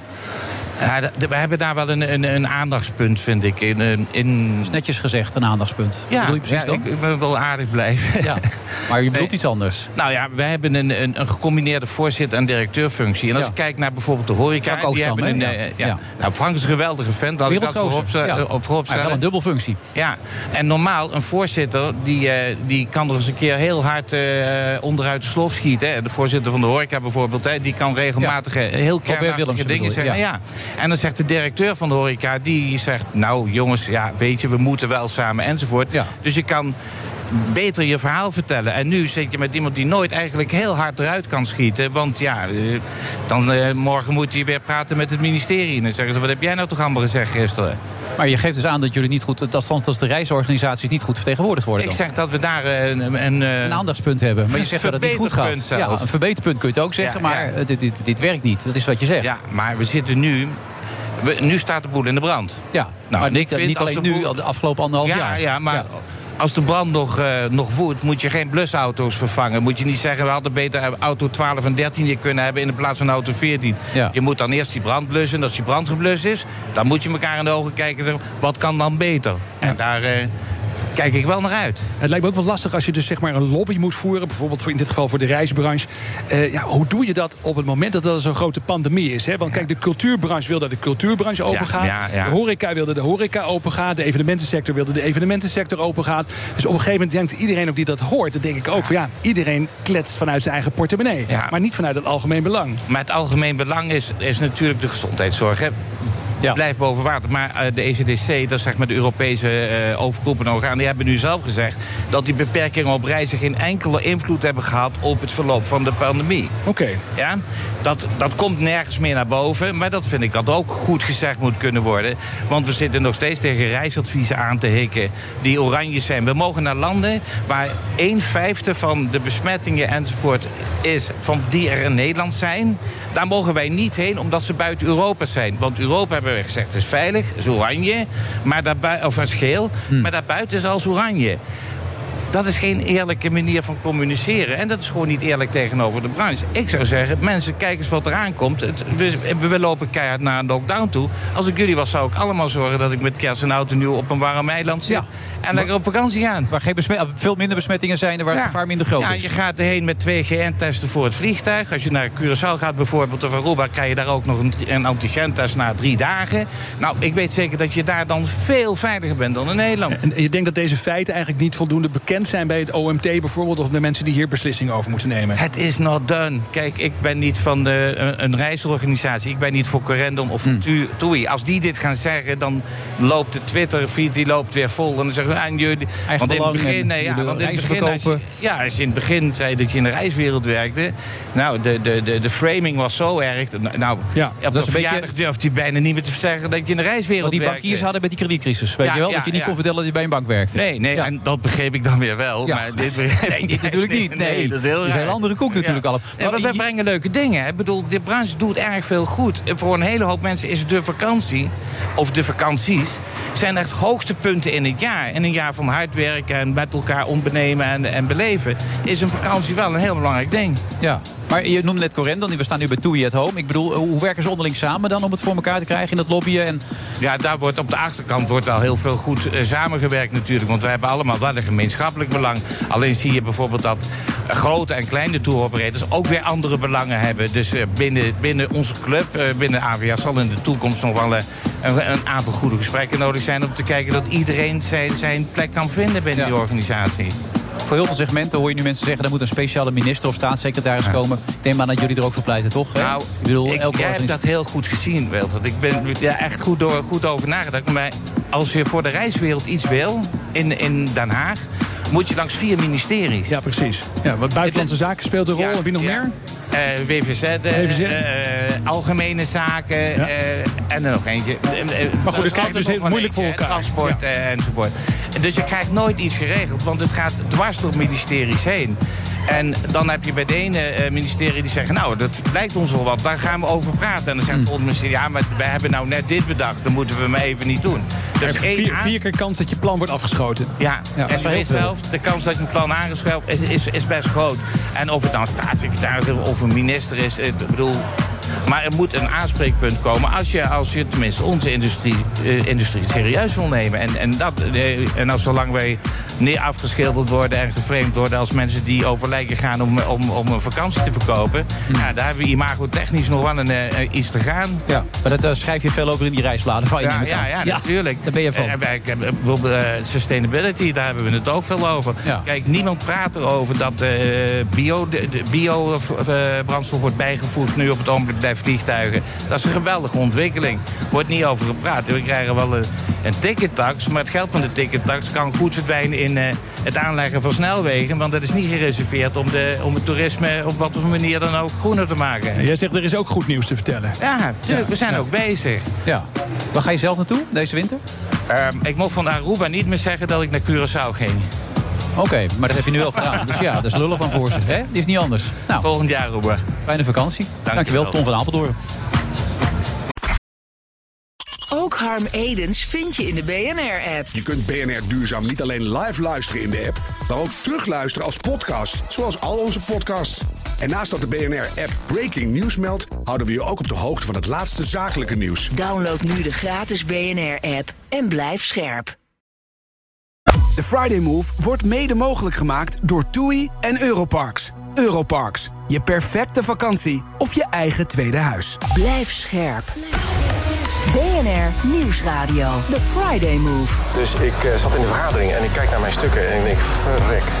Ik ben een stuk in de trein gegeten. Ja, we zitten nu misschien wel in de heftigste golf eh, sinds eh, maart 2020. Wilfred Gené. Ja, Lala Gul schrijft aan en die vertelt me net dat er 230.000 exemplaren van een boek verkocht zijn. Ongehoord.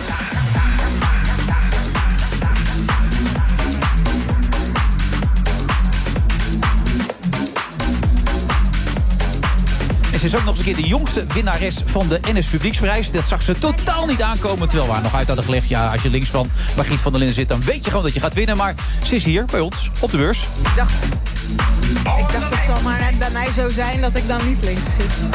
Ja, je, dacht dat, je dacht dat echt serieus. Ik had het jou verteld s ochtends op de radio bij Veronica. Ik zei, nou, als je links zit, dan weet je het zeker.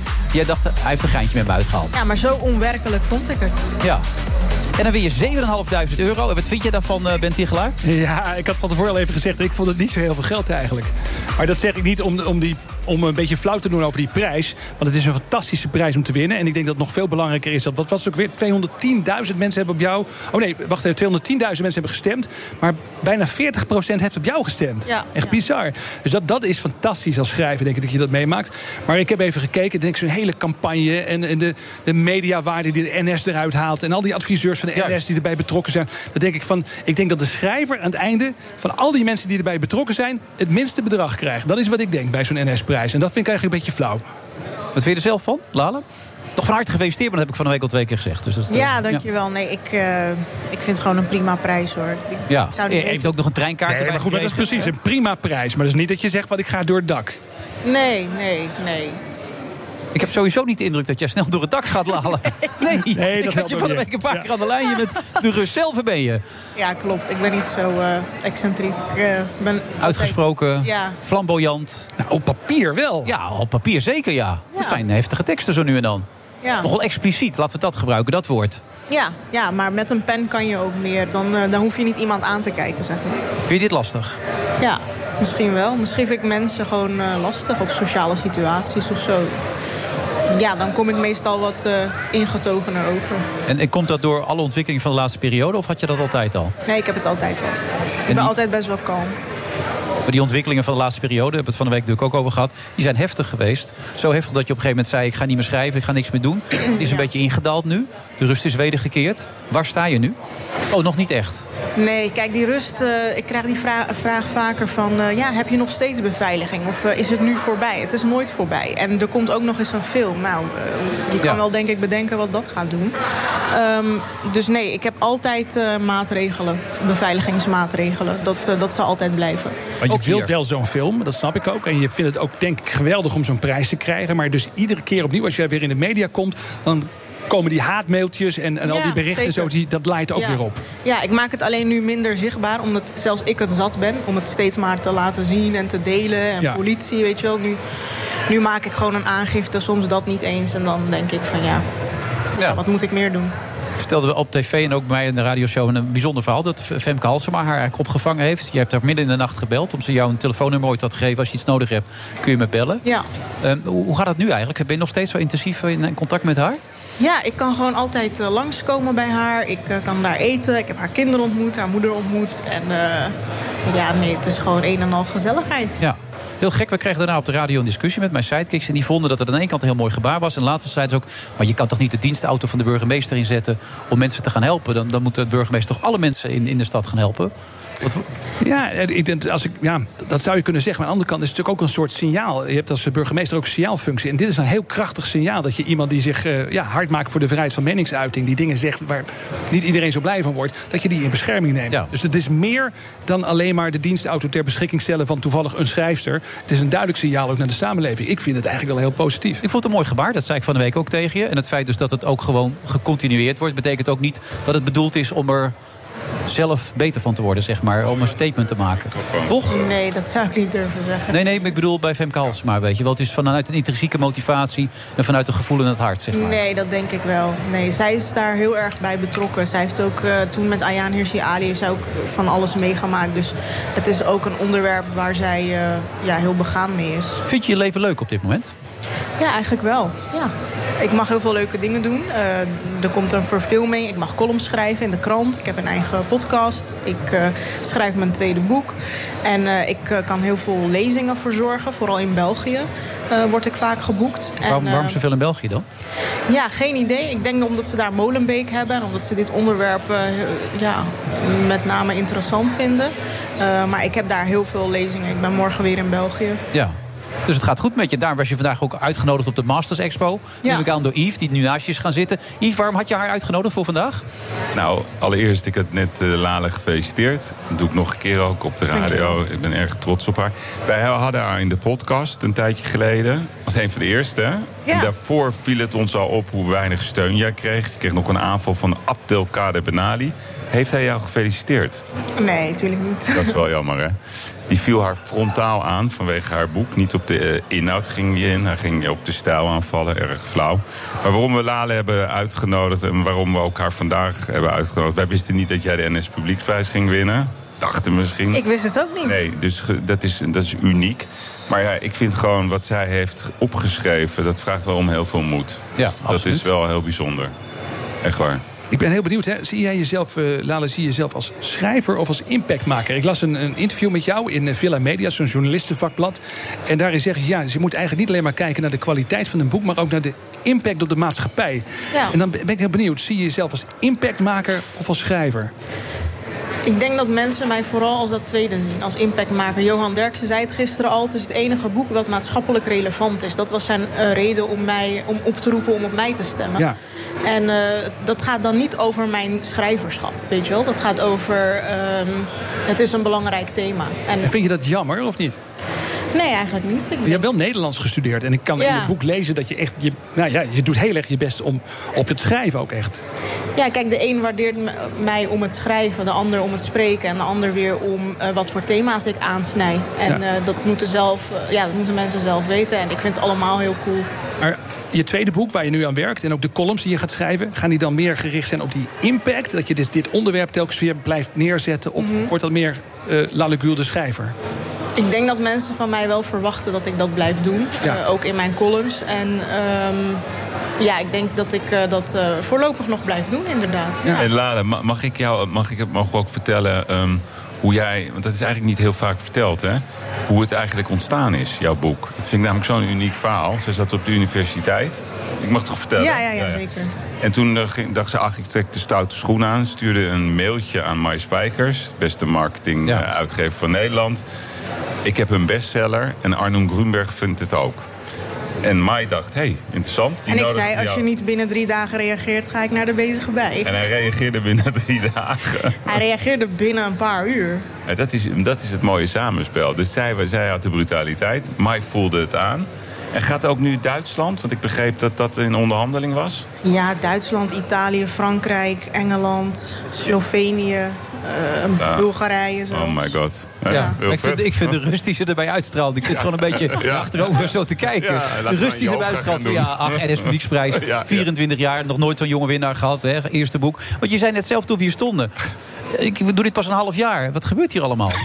Ja, ik, eh, ik moet het nog elke dag eh, laten indalen. Ja, want je hebt net met Umberto Tan. Niemand minder dan Umberto Tan op een podium over geld zitten praten. Ik ben zelfs in de New York Times geweest. Wat vind je daarvan? Nou ja, ja dat is niet te geloven. Maar eh, ze moest over geld praten vandaag. Waar was dat Ik dan? weet het niet. Het is Humberto Tan die daar verantwoordelijk voor is. Ja, het was een expo over ondernemerschap. Self-made ondernemers heette het. En daar waren dan de eigenaars van bol.com en Vinted en weet ik wat. En toen zat ik er ineens. En ik dacht, wat doe ik hier? Ja. En dat gaat dus over hoeveel je verdient en zo. Oké, maar dat gaat goed toch? Ja, ik En heeft Humberto ook verteld hoeveel hij verdient? Nee, Oh. nee. Weet jij dat dan, Yves? Ja, dat is serieus hoor. dat weet Wilfred denk ik ook wel. Oké, maar het mag, het mag waarschijnlijk niet gezegd worden. Ik ben ook wel nieuwsgierig nu, nu je er zo over begint. Nou, ik denk dat, dat, dat eh, mannen zoals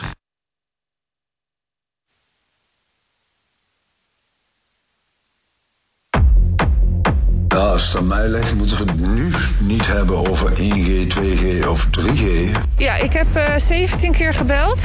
En uh, ik heb uh, drie keer ben ik er digitaal uitgegooid. Dus dat was niet te doen. Dus ik uh, zat in de vergadering en ik kijk naar mijn stukken en ik denk, verrek.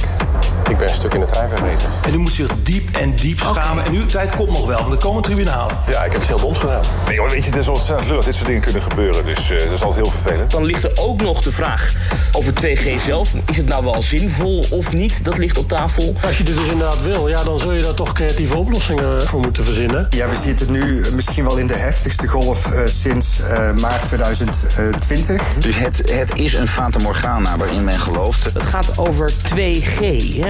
Mensen die vinden dat we vooral niet moeten vaccineren. Mensen die vinden dat we vooral wel moeten ja. vaccineren en alles ertussenin. Vind ik het vooral belangrijk dat iedereen zijn bijdrage levert. Maar die agenda's die blijven leeg. En dit kostte zo ongelooflijk veel omzet. Ik denk dat er heel veel kanttekeningen bij te plaatsen zijn. Uh, maar we moeten het debat maar gewoon hebben met elkaar. Alleen dat heeft weer als nadeel van ja, dan moet je dus iedereen gaan testen voordat je ergens heen gaat.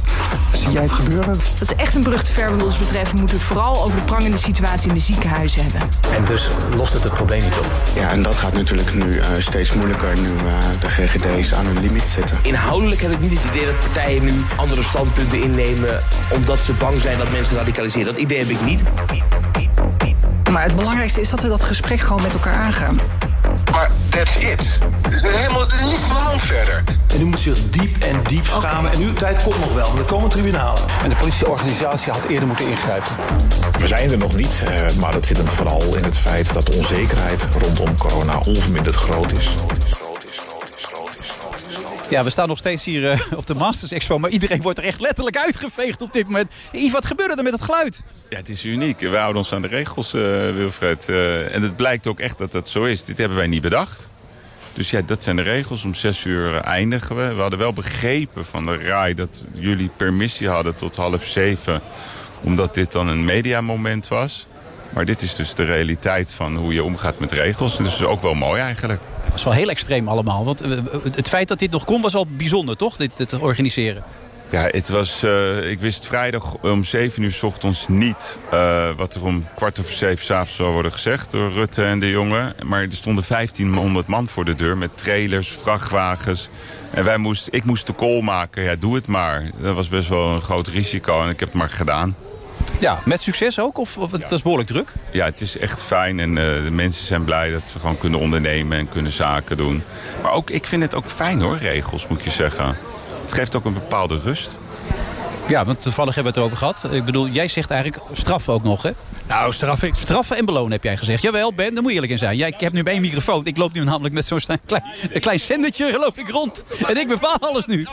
Nee, kijk, straffen en belonen, dat moet je ook zien in de zin van... of soms een boete, of in ieder geval duidelijke regels. Duidelijkheid is heel belangrijk, want dat betekent ook dat een ondernemer... op een gegeven moment kan zeggen, jongens, dit zijn de regels. Het ligt niet aan mij. En ik denk dat dat voor heel veel ondernemers ook belangrijk is... om tegen zijn klanten, tegen zijn partners te kunnen zeggen. Wat Yves net ook zegt. Ja, Lale trouwens, dit is wel grappig. Je doet zoveel verschillende dingen, ook met die lezingen enzovoort. Heb je ook nog andere ambities naast dat schrijven? Dan ook bijvoorbeeld tv of zo? Ja, ik ben gevraagd voor de politiek en voor de tv. En voor de politiek heb ik resoluut nee gezegd. En maar wie heb jou gevraagd dan? VVD, Ja21, SP. Maar waarom dan nee? Omdat ik, ja, ik ben pas 24. Wat ga ik nu al in de politiek doen? Dan, uh, als ik straks faal, dan ben ik die ene die heeft gefaald in de politiek op haar uh, 26e. Je moet... Heel verstandig. Ja, ja. ja. Echt heel verstandig. Je moet niet zo jong in de politiek, joh. Ik, ik heb ook helemaal geen ervaring. Wat weet ik nou, weet je wel? En je bent een impactmaker, zoals Ben net al zei. Dus die hebben ze nodig, blijkbaar in de politiek. Impactmakers.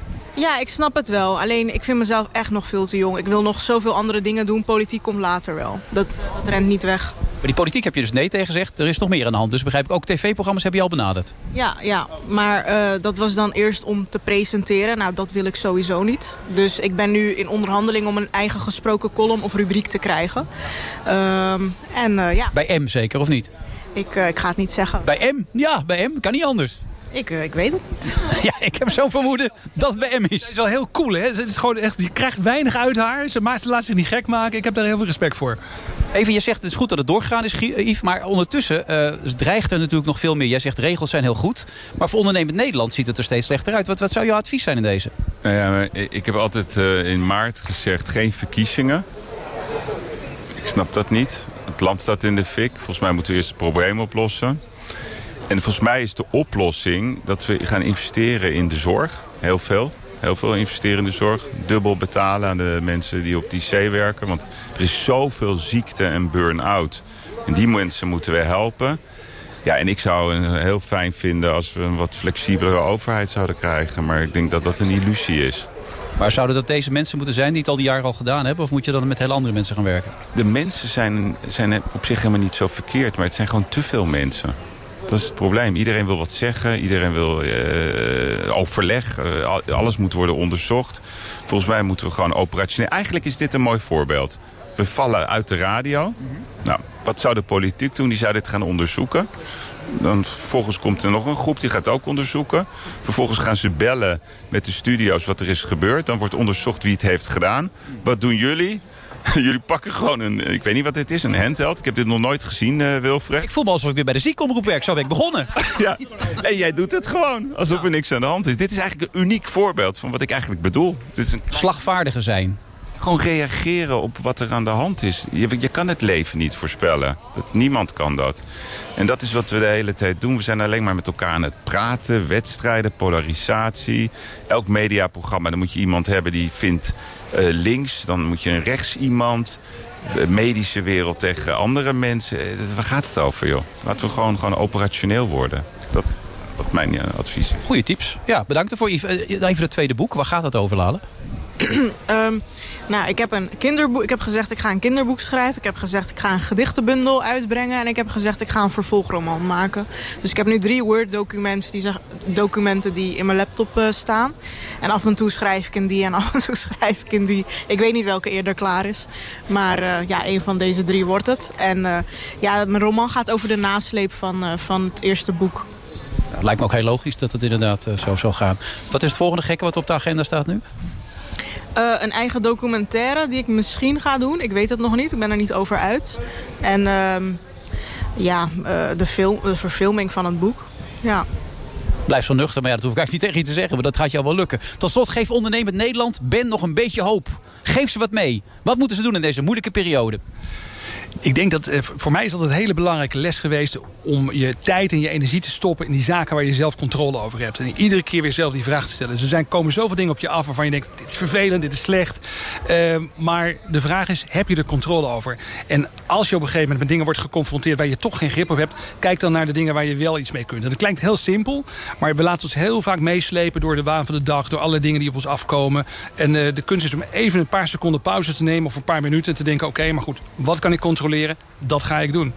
Dankjewel voor je aanwezigheid ook. Ik vond het hartstikke leuk ook dat jij er was, Lale. En jij ook natuurlijk, Yves. En dat die Umberto zoveel verdient. Het is echt niet te geloven allemaal. Dat, ja, dat viel net even weg. Dat zullen de mensen nooit weten natuurlijk allemaal. Nee, ja, zo werkt dat natuurlijk. Ja, daar kunnen we niks aan doen. Moeten ze maar even terug gaan luisteren. Misschien later nog. Tot zover deze uitzending van de Friday Move. Volgende week zijn we er weer met een nieuwe aflevering. En dan hoop ik dat ze niet aan de stroom gaan zitten. Maar ja, dat zien we dan wel weer. Tot dan. De Friday Move wordt mede mogelijk gemaakt door Europarks en TUI.